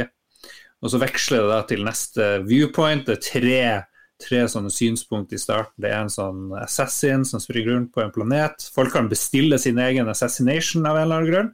Skryte om de klarer å slippe unna. Hun er veldig flink, så hun klarer jo å ta de folkene. Så har du det der romskipet, og så har du en sånn arkeolog. Arkeolog som driver og styrer rundt på en annen planet. Litt gal han òg. Han har sin egen far implantert inn i en sånn der Eh, som han kan diskutere med sin far når han vil. Det er, liksom, det er en sånn frodig krukke av boblende fantasi og, og En frodig krukke? ja, det var det beste jeg kom på. Det er liksom de bobler. Det kan være sånn på barne-TV hvor det er sånn gryte som bobler av sånn tørris, eller hva det er. Det er litt sånn. Barne-TV med en gryte med tørris? Ja, altså ja, det et sånt heksegryte. ja, ja, ja. Jeg ser litt det liksom, Den boka er litt sånn at det bare bobler over av, utrolig morsomme, morsomme, premisser. Jeg tror det er den bokserien jeg har leta etter lenge, men nå har jeg jo trodd det flere ganger. Men jeg skal lese videre. Men jeg elsker det allerede. Han her Alistair Reynolds og Revelation Space. Det er det er så mye Fantasien din bare løper løpsk. og Det er ikke snakk om at det her er sånn veldig fancy fremtid. Det er mer sånn det her kan ha skjedd for ti millioner år siden i en krok av galaksen hvor, bare, hvor bare ting bare går litt galt, og folk er, folk er, ikke bra. A long time ago in a galaxy far, far away. Ja, skjetten Star Wars eh, med veldig få helter. Alle er skurker, virker det som. Nei, det er bra. Pretty good. Ja, jeg ble litt nysgjerrig nå. Jeg, hver gang jeg prøver meg på en ny sci-fi, så blir jeg som regel skuffa. Så jeg er blitt, blitt, sånn Nå leser jo Jeg skal anbefale senere, jeg kan ikke si, men det er eh, sjø, sjøfartsroman. ja, du er der, ja. ja. Men Lars, vi, eh, du har jo lest eh, han derre Peter F. Hamilton, som jeg også ja. er så fan av. Eh, hvordan er det sammenligna med det? Fordi det er veldig sånn ren sci-fi-sci-fi. Du sa dette var litt mer sånn sci-fi-punk, eller? Ja, litt skjetten sci-fi. Litt mer, og litt mer sånn horroraktig og veldig barokk. Veldig mye ord du må slå opp hvis du gidder, men du får jo liksom en feeling for det. og det er litt sånn blomstrende og kronglete og litt motstand. Peter F. Hamilton og sånt, det er litt easy-peasy space-opera, ikke sant. Ja. Det, her er mer, det her er mer kjøtt på beina. Mm, ok, ok. Ja, så sånn er det. Ja. Ikke ja. for de som liker Foundation, eller kanskje det er for de som liker Foundation. Jeg vet ikke. Er det noen som ser på det fremdeles? Ja, falt av, falt av. Nå er det jo eh, på Det er det Apple TV pluss, det. Det er ikke HBO mm. Max! Ja, det stemmer. HBO Max har vel den der uh, Running with Wolves-serien eller noe sånt, som også er noe sånn der uh, ja, sci-fi. Ja, Ridley Scott har vel uh, vært involvert nok til at uh, han sa ja, ja, bare putt navnet mitt på det. Ridley Scott er liksom den nye Tom Clancy, virker det som. Ridley Scott, Riders Republic. Jeg har lest alle Asimo-bøkene, men jeg fikk inntrykk av den Foundation-serien var såpass annerledes at jeg bare lot være å sjekke den. Ja, den er litt mer sånn Star Trek Discovery kanskje, i det landskapet, som ikke er negativt, eh, men den, det handler jo Eh, så De gamle Asimov-bøkene handler jo ikke om folkene, eller mm. personutvikling, eller noe sånt. Det handler jo om noen sære folk som blir kasta inn i sånne store historiske hendelser. Så det handler nok mer om folkene nå enn hendelsene, men eh, kanskje er det bra balansert. Jeg vet ikke, jeg har ikke sett det ennå. Mm. All right. Philip. Jeg har hatt uh, noen diskusjoner som vanlig over den siste uka. Og en av de store diskusjonene jeg har vært i, har vært angående den nye Marvel-serien What If, som kom på Disney Pluss nå for ikke så lenge siden. Og dere har jo ikke vært sånn superoppdatert på all dette Marvel-kjøret, men jeg har holdt det gående. Jeg har riktignok ikke sett Black Widow og Shang-Chi ennå, men jeg har fått med alle de seriene som har gått på Disney Pluss over det siste året, og alt det er veldig, veldig bra saker. Koser meg veldig med det. Um, og i den siste What If-episoden, som er en sånn animert serie hvor de, de, tar for seg hva hadde skjedd Jeg vet ikke om du har fått med deg konseptet, Lars? Jo, ja, det er jo en klassisk tegneseriegreie. At du har mm. sånn spin-off-serie med hva hvis uh, Supermann gjorde uh, et eller annet, eller uh, tyskere vant andre verdenskrig, eller jeg vet ikke. Ikke sant. Den type greier. Um, som en ganske, har vært en ganske artig liten serie. En uten Ja, jeg spoiler det. Spoiler warning! På slutten av denne serien så får Ultron Han får tak i alle de Infinity Gemsene, eller Infinity Stonesene, som Thanos han hopper med Infinity Alle har fått med seg det.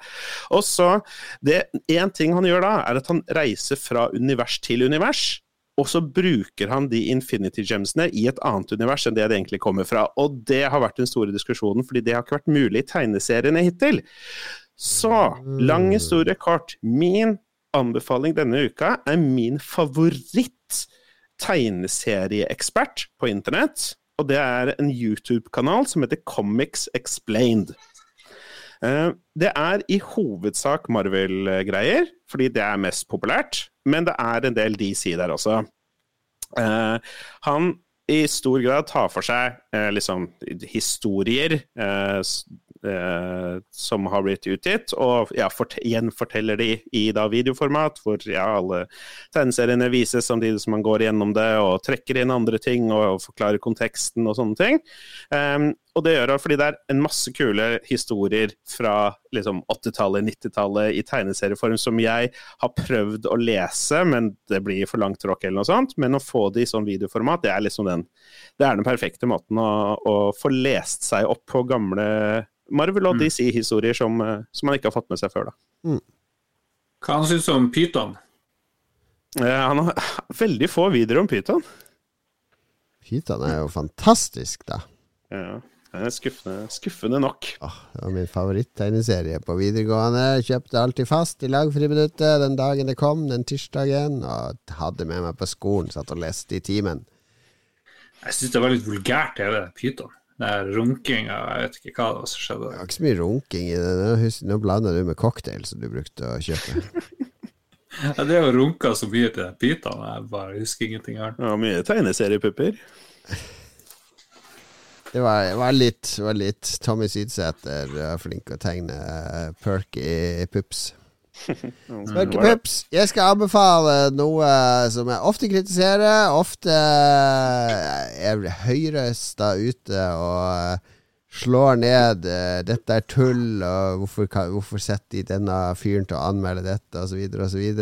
Men samtidig så kommer jeg til å tenke på en dag Tenk hvor kjedelig det hadde vært hvis de forsvant. Hvis de, hvis de ble lagt ned. Hvis de ikke var der ja til mediemangfold, så jeg skal anbefale gamer.no, rett og slett. Eh, de hmm. feirer 20 år i år, har dere fått det med dere? Uh. Ja. ja. Hurra. Hurra. Hurra. Og det Over til er... neste bidrag.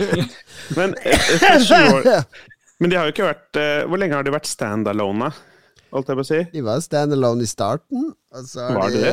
Ja, så har de vært, de har vært del av masse konglomerasjoner de har gjort det media trenger å gjøre. De kjemper seg opp og frem, inngår allianser og uh, De har vel aldri klart å vokse på en sånn måte at de virkelig har tjent masse penger, men de har klart å holde integritet og fokus hele veien. Mm. Uh, de har stab, de har anmeldere, de har en redaktør som heter Audun. Altså, jeg syns det er bra at de holder ut. Altså, det er masse jeg kritiserer de for, men som Lars vet, jeg kritiserer mest det som jeg er glad i. Det er derfor Lars får så mye kritikk. Jeg orker, ikke, orker ikke å kritisere folk og ting jeg ikke bryr meg om. Det, det gjør meg jo ingenting at det er dritt. Nei, stakkars kona di. Jesus lord. Ja, hun får mye kritikk. Altså, det er ikke En bra dag er når hun gråter i, på vei til seng. Wow. Da vet jeg at da har jeg gjort jobben min. Da har, da, Så, da har jeg vist min sånn- kjærlighet til henne. ja, ja, så drikker du sånn sannhetsjus, som du kaller den whiskyen din, hver ettermiddag. Nå skal virkelig kjærligheten blomstre. Ok. Tre anbefalinger denne gangen. Gamer.no, nettside Altså, nå må ikke dere i Pressfire bli sur. Må ikke dere bryte samarbeidet med Spillrevyen. Vi må jo få lov å kunne være litt rause og godhjerta her.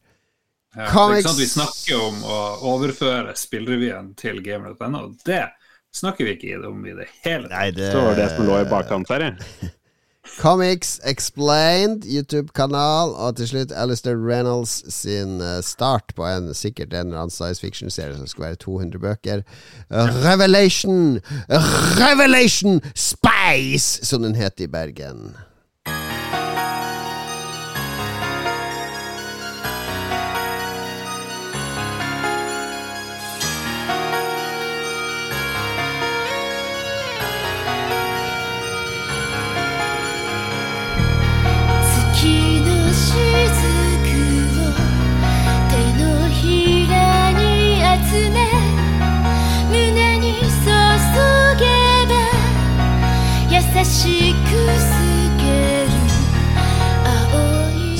Sabla fine toner fra det kjente skytespillet R-Type. Har du spilt R-Type, Lars? Hva kan med deg, Philip? Har du spilt R-Type? Sånn, er, sånn var det i bergenske Arkadehallen når R-Type dukka opp. Hva er det for noe? R-Type! Stakkars uh, mikrofonen din. Den Ja, gjøre noe. Masse spytt på skjermen nå. Det var verdt det. Ja. Skal vi, er det, må vi avslutte, eller skal vi ta noe lyttebidrag? Nei, nå har jeg sendt 20-åringen for å hente på Rush trampolinepark, så da kan, jeg, da kan vi rekke vi lytterspalten. Holy fuck, da må vi jo finne frem den. Da. Ja, og nå kan vi, da kan vi ta alle de bidragene dere har lovt å ta det siste halvåret som dere ikke har rukket å ta også, da. Yes, Som Ragequit har fått 45 comments når de ber om lyttebidrag. Vi har fått 17. Ja, det er et eller annet feil. Men det er, egentlig burde vi bare droppe Jeg likte det dere gjorde sist, bare tok Ragequit sine Jeg har tenkt på å Spørsmål. stjele Radcrew og andre sine òg, men uh, vi tør ikke. Men uh, Joakim Strandberg spør i hvert fall oss. Hva syns vi om omfanget av ukesoppdragene i årets sesong av Farmen? Ja, Philip, du ser jo mye på det der. Jeg ser jo bare på bra trash. Ja, nei, Hva, ikke ukesoppdragene på Farmen? Det er sånn hold i live en hest og sånt. Er det. Det det? I livet. Det er nå, Det høres ut som du har spilt Northern Journey, for det der hadde sikkert vært et oppdrag i Northern Journey. Da håper jeg det er en muldvarp i hvert fall som prøver å ta livet av den hesten bak de andre sin rygg. Hva med, hvorfor er det ikke noe sånn der uh, samisk reality? Det kunne jo gjort mye for å spre den samiske kulturen. Da. Eh, Som Farmen sameland, ikke sant? Vi skal jo leve Leve Som oppi her i, i det her teltet. Husker ikke hva det het. Jeg tør ikke å si, for jeg er så redd for å si feil. Lavvo. Lavvo. Vi skal leve i lavvo, og så skal ut og gjøre sånne oppgaver med reinsdyr og, og ja by, by på samisk kultur og stemme hverandre ut og få opp oppgaver og sånn. Du skal dra og stjele rein og jeg vet ikke. Sånne ting. Jeg tror, det er, jeg tror det er best hvis det er bare lagd en reality-program hvor det bare er livet i Kautokeino, og så er det sånn Oslo-fyr som bare flytter opp dit, og så flytter han inn i en helt vanlig leilighet og går på jobb i kommunen hver dag. Det var en serie på NRK som het Reinlykke. Der var onkelen min, søskenbarna mine med. For de er en sånn vennefamilie med en reindriftsfamilie oppi her. Så det, det Jeg vet Det er bra ordspill da, på rein lykke og reinlykke.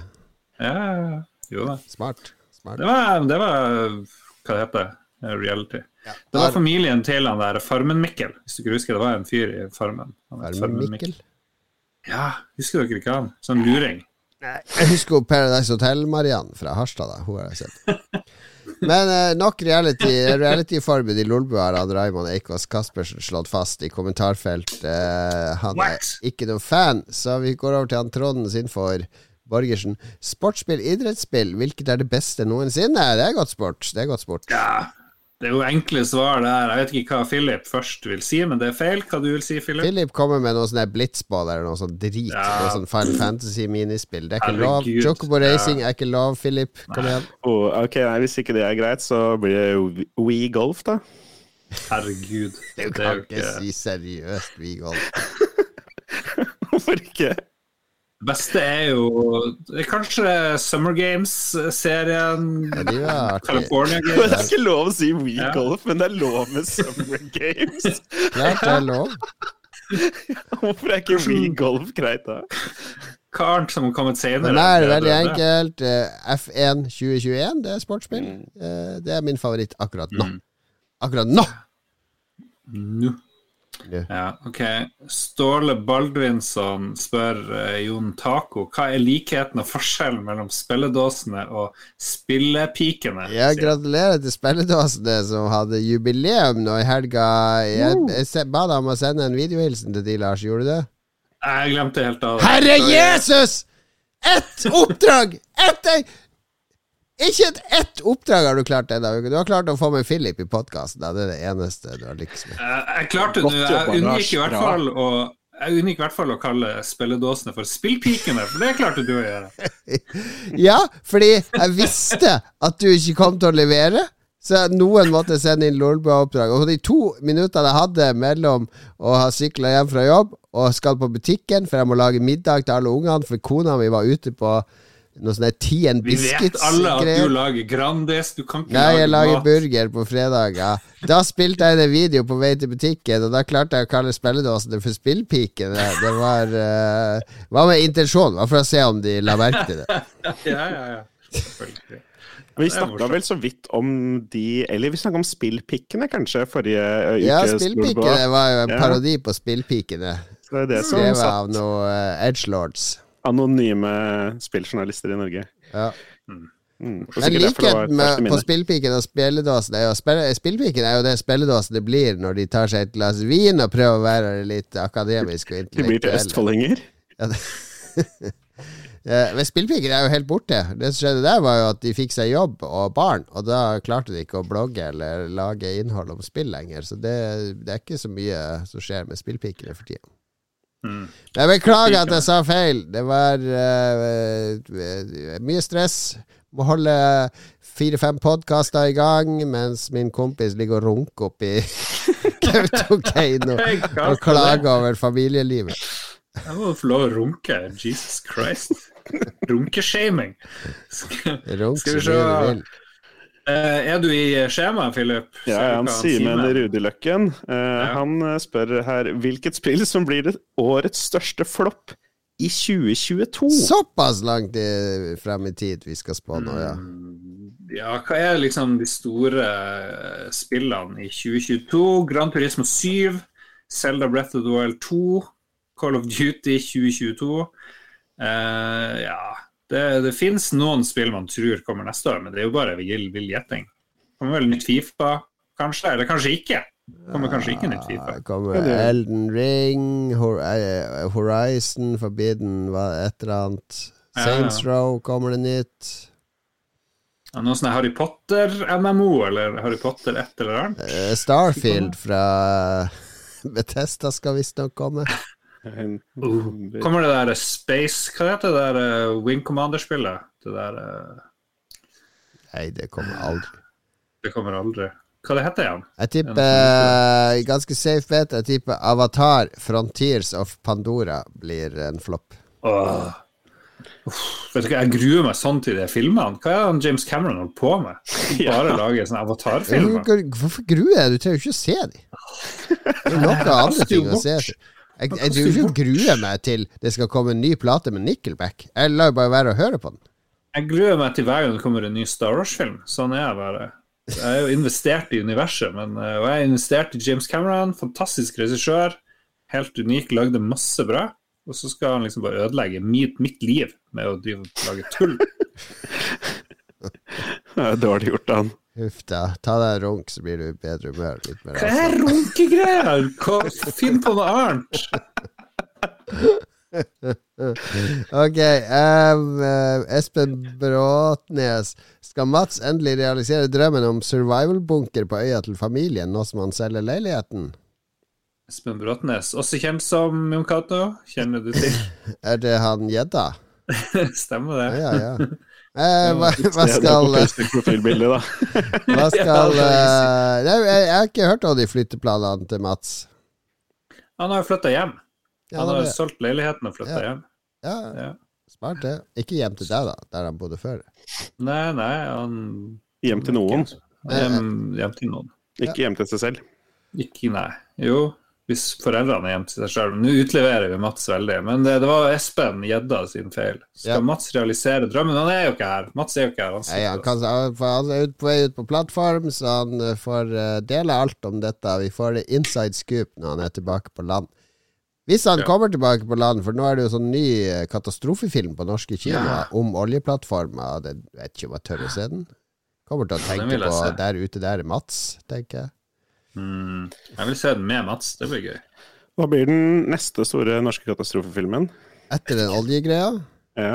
Hva er det med Nor Nor Norge og katastrofefilmer? Ja, ja. de lager Sveriges Flodbølgen og Tunnelen og Du, neste katastrofe blir at uh, Vidda. Kommunekatastrofe. uh, arkiveringssystemet Websak går ned permanent. Vi får ikke arkivert noe. Du, du, du. Mm. Ja, men det er et godt spørsmål. Ferga. Ferga synk. Noen er sperra inne i kafeen under vann. Der er det luft. Titanic bare Du må leve av med en ferge isteden. Ja, det blir bra. Den vil jeg se. Ferga. Eh, Nicolas Mork, hva syns dere om at Ragequit får så mange bidrag?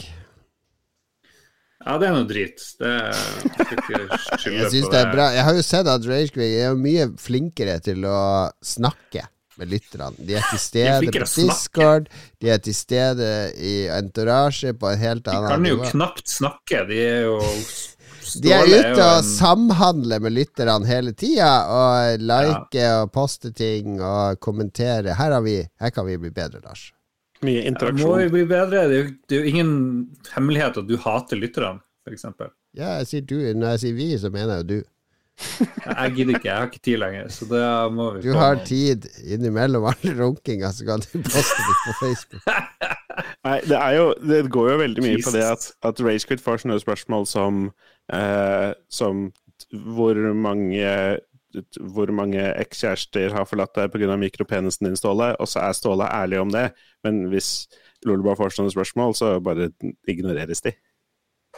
Stemmer det. De Stemmer. er, de er for Eh, ærlige. Runkinga, du er bare sur fordi jeg outa deg som en dårlig kokk. Det er nesten Ja, nei, Jeg lager det er- fredagsburger. Nei, det er jeg ikke så sur for. Jeg er en dårlig kokk. Det er selvinnsikt har jeg. Ok. Ok, hvem er neste?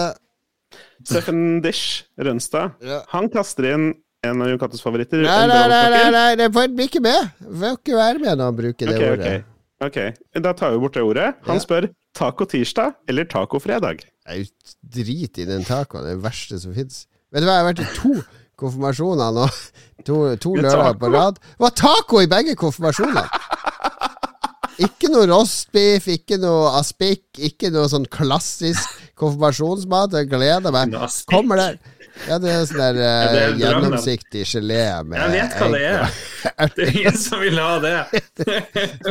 Hele greia med å bli konfirmert er nå skal du bli voksen. Vær så god, her er voksenmat. Ja, er Ikke, nå skal du bli voksen, la oss spise pannekake og tomatsuppe. Det er jo ikke det, Slutt!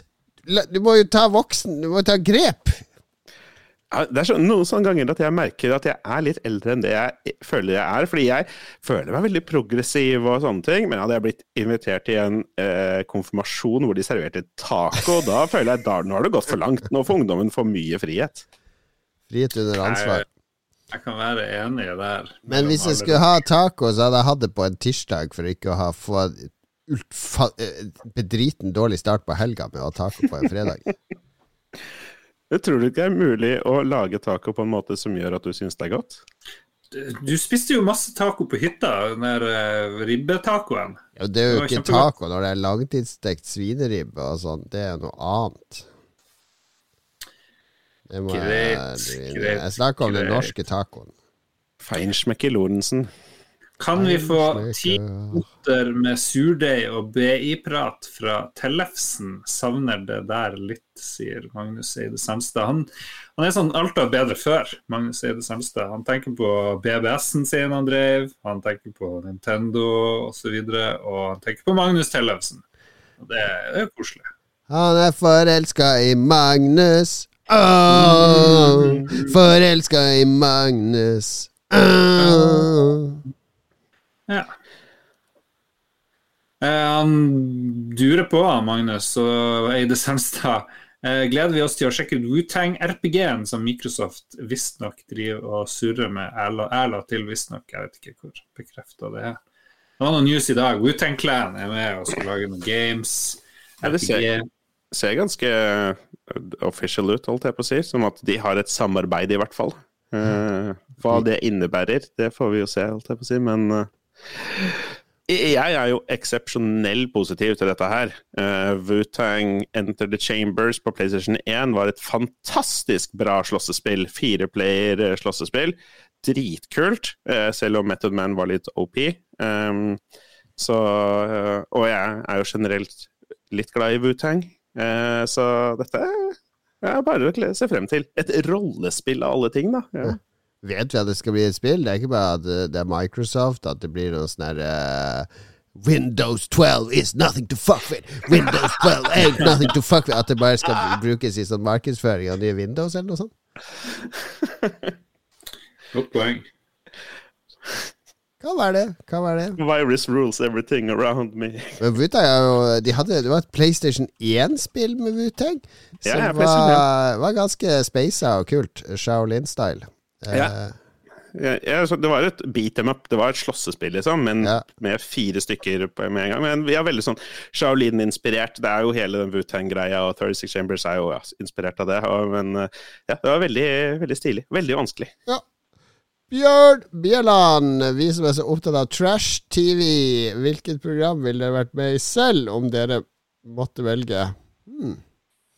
Du hadde jo vært med i Paradise Hotel, jo, Gato. Jeg er for gammel for det. Mm. Eh, det. Det er et problem. Men jeg har lyst til å være med i 71 grader nord. Er ikke det veldig slitsomt, det? Jo da, det er jo litt derfor jeg har lyst til å være med. Teste meg sjøl.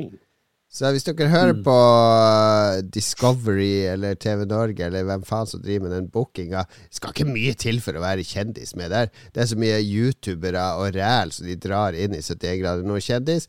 Jeg tenker, er- jeg er kjent nok. Jeg, jeg kan bli med. Jeg stiller opp. Jeg får lov fra jobben. Jeg blir gjerne med neste år med Thomas Numme og Tjave og hvem andre som er på Kjendis 70 grader nord akkurat nå. Eh, ja, det er morsomt. Ja. Det blir noen komikere i neste 71 grader nord. Det sparer jeg. Ja, det, var, det er en Eh, standup-komiker med i år. Han er ikke veldig artig. Men uh, jeg, jeg tror jeg har noe der å gjøre. Kan spre litt uh, glede og surmuling. Og ikke ta med Lars, blir bare runking i teltet hele tida. Hva er det runkegreia? Er, er det morsomt? Er det artig? Ja, jeg ler. Det er jo morsomt. Jeg, jeg står innenfor masse runking. Men jeg det er føler det, er, det har vært en terningkast tre-episode så langt, jeg tror jeg kan løfte den hvis det blir mer runkeprat opp til. Runkinga er den der flåta du driver og klamrer deg til. Runkeflåta er vårt håp. Vi Lærer av Ragequit. Ja, men jeg tar 71 grader nord. Hva velger du, Lars Rikard? Mm, Farmen for å holde liv i en hest? Det var noen sånne her nerds, uh, sånn, sånn PC-byggere. Og sånn professoren og, og prinsessen? Ja, Ja. med sånne her enorme babes. Det, der tror jeg jeg kunne kanskje Ja, okay. hevda meg. Ja. Jeg er jo ikke så veldig god nerd, da, men jeg kunne, jo- kunne jeg liksom knust noen nerds Så styrt med babes. Ja, er ikke du mer på kanskje Ja, hva skal vi sende deg inn i? Jeg vil jo være inne i Terrace House, det hadde vært drømmen, selvfølgelig. Jeg er jo litt, Ja. jeg er jo for gammel for all Ikke lov å le på hytta, da? Kunne du ikke gjort det bra der? Jeg hadde gjort bedre enn Magnus uh, Carlsen, i hvert fall. Det, og Linnea Myhre. Jesus Ja. Christ. For noen folk. Hva med Robinson, Men, eh, da? Jeg ser for meg Ja, på tenker på. Lars på Robinson. Ja, ja, ja. Ja, jeg tenker det er en fin slankekur, i hvert fall. Det ja. Nordlendinger gjør det jo greit i reality ofte, så jeg tenker at det, det er en fordel. Robinson på Larsen, er det bare Philip igjen. Paradise Hotel, dørene åpner for det der, Philip. Har, det er jo alle disse sjekkeprogrammene som jeg syns hadde vært jævlig artig å være med på, men jeg passer ikke den visuelle stilen pga. noen ekstra kilo. Eh, hadde ikke vært for det, derimot, så Det er jo ikke noe Det går helt fint. Ja, Biggest jo da, Loser, da? Har du tenkt på den?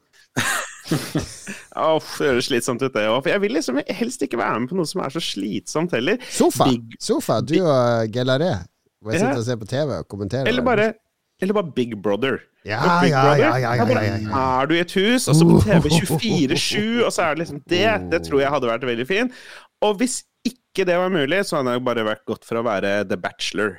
Og hatt liksom 20 dritteite damer som slåss om å date. Men hvem av, hvem av oss hadde vært den første, eller i hele Lolbua-konsernet, vært første til å ha sex på TV i Philip. sånn reality-greie?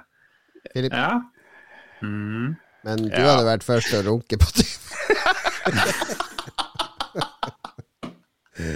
oh, ok. Da er vi oppe på fireren, da kan vi roe ned runke. Det, her, det her blir jo bare dårligere og dårligere, hele greia. Jesus. Enda en Ok. episode jeg må si til moderen at hun ikke kan høre. Nei, jeg, jeg, jeg er nok den av oss som er mest åpen for å ha sex på TV, som har minst uh, skrupler for å gjøre det. Så bare på grunn av det.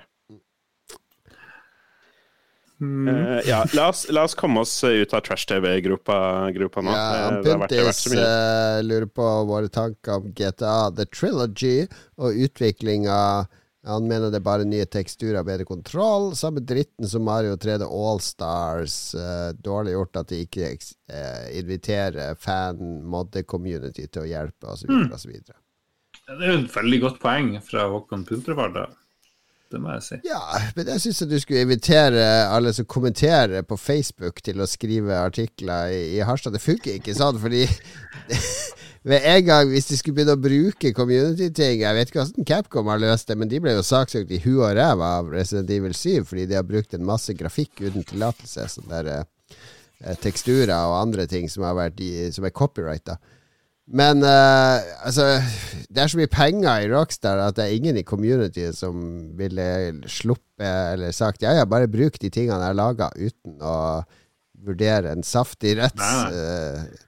Rettsforfølgelse. så det er jo derfor de ikke gjør det. De, de orker ikke all den hesselen i ettertid, når folk begynner å snuse på pengene. Ja, for det, jeg syns det er en mellomting her. For det, som man skriver da, hvor jeg synes jeg kunne ha invitert det allerede eksisterende modde-community til å hjelpe til. Og det er kanskje mulig å gjøre noe sånt på en måte som er ganske ryddig, og man gir noe royalty Man skriver en kontrakt, da. Det kan ikke være så vanskelig. ja, samtidig så er det ganske omfattende, da. Du kan også bare la deg inspirere av det som finnes der, og bare lage det sjøl. Spesielt et firma som Rockstar, som har alle de ressursene til å bare gjøre det selv. Uh, ja. Ja. Jeg har ikke tenkt på det, men Puntis er et kvalitetsmenneske. Ja, ja, som gjør at jeg ikke avfeier poenget med en gang. Eh, men fordi I utgangspunktet så er jeg veldig i den, det som hørtes ut som var litt Jon Cato-båten, at det er bare sånn, det, det bare funker ikke sånn. Eh, og når, når alle klager over å det er GTA Trilogy, og det er gjort altfor lite, og det er bare nye teksturer og sånn, hvorfor gjør de ikke mer? Jeg er så Ja. skuffa. Og det er sånn, hvorfor være skuffa over det? Det er bare, du, du har feil forventninger. Ja, spill noe nytt, da, for faen! Ja, Slutt å spille den gamle du- dritten på nytt og på nytt. Spill noe nytt, da! Ja, Puntis. Spill Final Fantasy 7 på nytt isteden. Nei, ikke at det. Hvis, men hvis du først er så gira på nye teksturer og sånn, da. Fordi, men det er litt av ideen faktisk er at Get, eller Rockstar gjør det de trenger for at en hel haug med folk kommer til å kjøpe spillet på nytt. Jeg gikk du glipp av muligheter? mulighet til rim. Rockstar gjør det de trenger for å tjene mest mulig penger. Ja. Ja. Det. Mm. Musikk. Jeg, vi, vi, ikke, vi skal avslutte nå.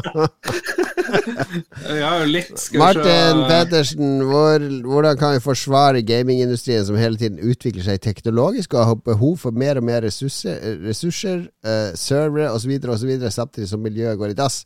Burde vi alle egentlig bare holde oss til Super Nintendoen? Ja. Brannfakkel! Vi trenger jo bare Commodore 64, egentlig. Det er kjempebra musikk.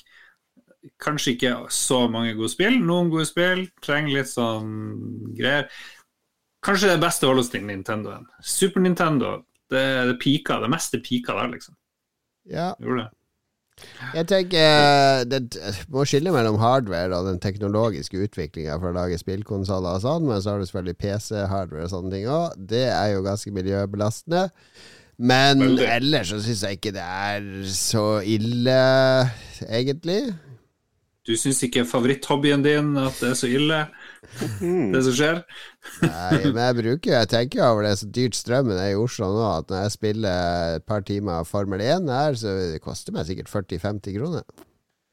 Det er det jeg er mest opptatt av. Du kjøpte nytt ratt bare for å spille litt Formel 1. Jesus Christ, for den, den største konsumisten, hvis det går an å si det, det er jo du, Kate. Du har jo kjøpt bruker mest. 30 bøker for å klare å finne en bok du har lest som du ikke klarte å huske hva jeg er. Så jeg skal ja, ikke komme her og snakke om konsumist. Det er 100 kilobyte med tekst, liksom. Det er det jeg har kjøpt. Ikke tre kilo plast jeg skal sitte og spille i to måneder. Ja, fordi jeg, jeg kjenner Martin Petersen godt nok til å vite at han, han, men, eller han har et ordentlig, det er et ordentlig poeng her, på en måte, som, Ja. som er verdt å, verdt å se på. Det, det er jeg helt enig i. Og, eh, jeg er bare blitt litt, sånn, litt for eh, pragmatisk til å la meg bry meg om det. Det er litt det samme som med dyr. Når det kommer nye sånne eh, artikler 'Å, så, så kjipt disse dyra har det'. Jeg må bare ikke bry meg om dyr. For ellers så kan jeg ikke spise kjøtt.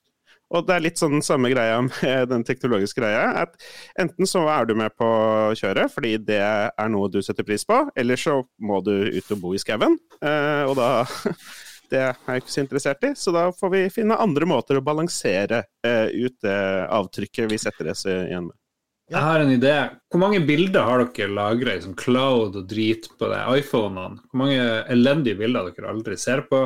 De driver og tar opp plass og strøm og drit. De skal, være, de skal liksom være tilgjengelige på ett sekund hele tida, bare fordi vi ikke gidder å slette 30 000 bilder som ligger inne der. Det burde vært sånn begrensning på de her tingene der. Du får lov, kun lov til å ha 1000 bilder, det er alt du får, og det er mer enn noen gang jeg har hatt i hele historien. Det, Hvor mange e-poster har du? Ja, nettopp. Sett begrensninger på e-poster. Jeg har jo 30 000 uleste e-poster. ja, nettopp. Ja, men det der eh, Det blir dråper i havet uansett. Mm. Ja, det er jo lett å si, men vi trenger jo alle dråpene i havet vi har, så da må vi bare Ja. begynne et sted. Jeg gjør mitt. eh, For eksempel, eh, jeg har ikke flydd på to år. Ja, det er jo ikke med vilje. jeg har vilje. eh, større miljøavtrykk enn at jeg spiller litt uh, PC-spill av og til. Tenker jeg, da! Men ja ja, Vær for sin dør. Fei for sin egen dør. Fei for sin egen dør. Ja, det blir ble for seriøst, det her. Vi må avslutte. Vi må avslutte Vi tar med de to siste. Det er så mye diskusjon i Jone og Stian sitt eh, spørsmål, så vi tar de neste gang. Vi må takke produsentene, Lars. Vi takker Skal vi se, hvor er de henne? Der. TTMXMP. Oh. Du er jo fantastisk. Kobrakar84. Oh, yeah. Og så har jeg tatt to som har dere tatt to. Jeg hørte forrige gang, liksom. Jeg, Lars klarer ikke å dele opp. Eh, Forrige gang hadde vi perfekt. Vi tok annenhver, gjorde vi ikke det, Philip? Ja, ja. Jo. Oi, skal, vi, skal vi prøve å ta et tredje hver? Vi prøver å ta det i kor, Philip. Vi heter Ja, okay. Eh, Ok. Eh, det er etter Kobrakar, og vi begynner nå. Duk Jarlsberg. Berg. Anne Beth Jarle Pedersen. Stian Skjerven. Shant 59 Det var en dårlig idé. Jan Christian Eide, Gøran Helge Nilsen og Krallnor Bjørn. Jesus Christ, vi kan ikke holde på. Det Det var dårlig. Det der gjør vi aldri igjen. Vi snakker så sent og Vi prata veldig sakte der. Nå, jeg skal spille hele denne låten her på slutten. Eh, Lars og Philip får bare logge av hvis dere ikke gidder. Det er den mest fantastiske Selda-disko-versjonen jeg har hørt i mitt liv. Vi hører på Selda Disko. Takk for at du hører på.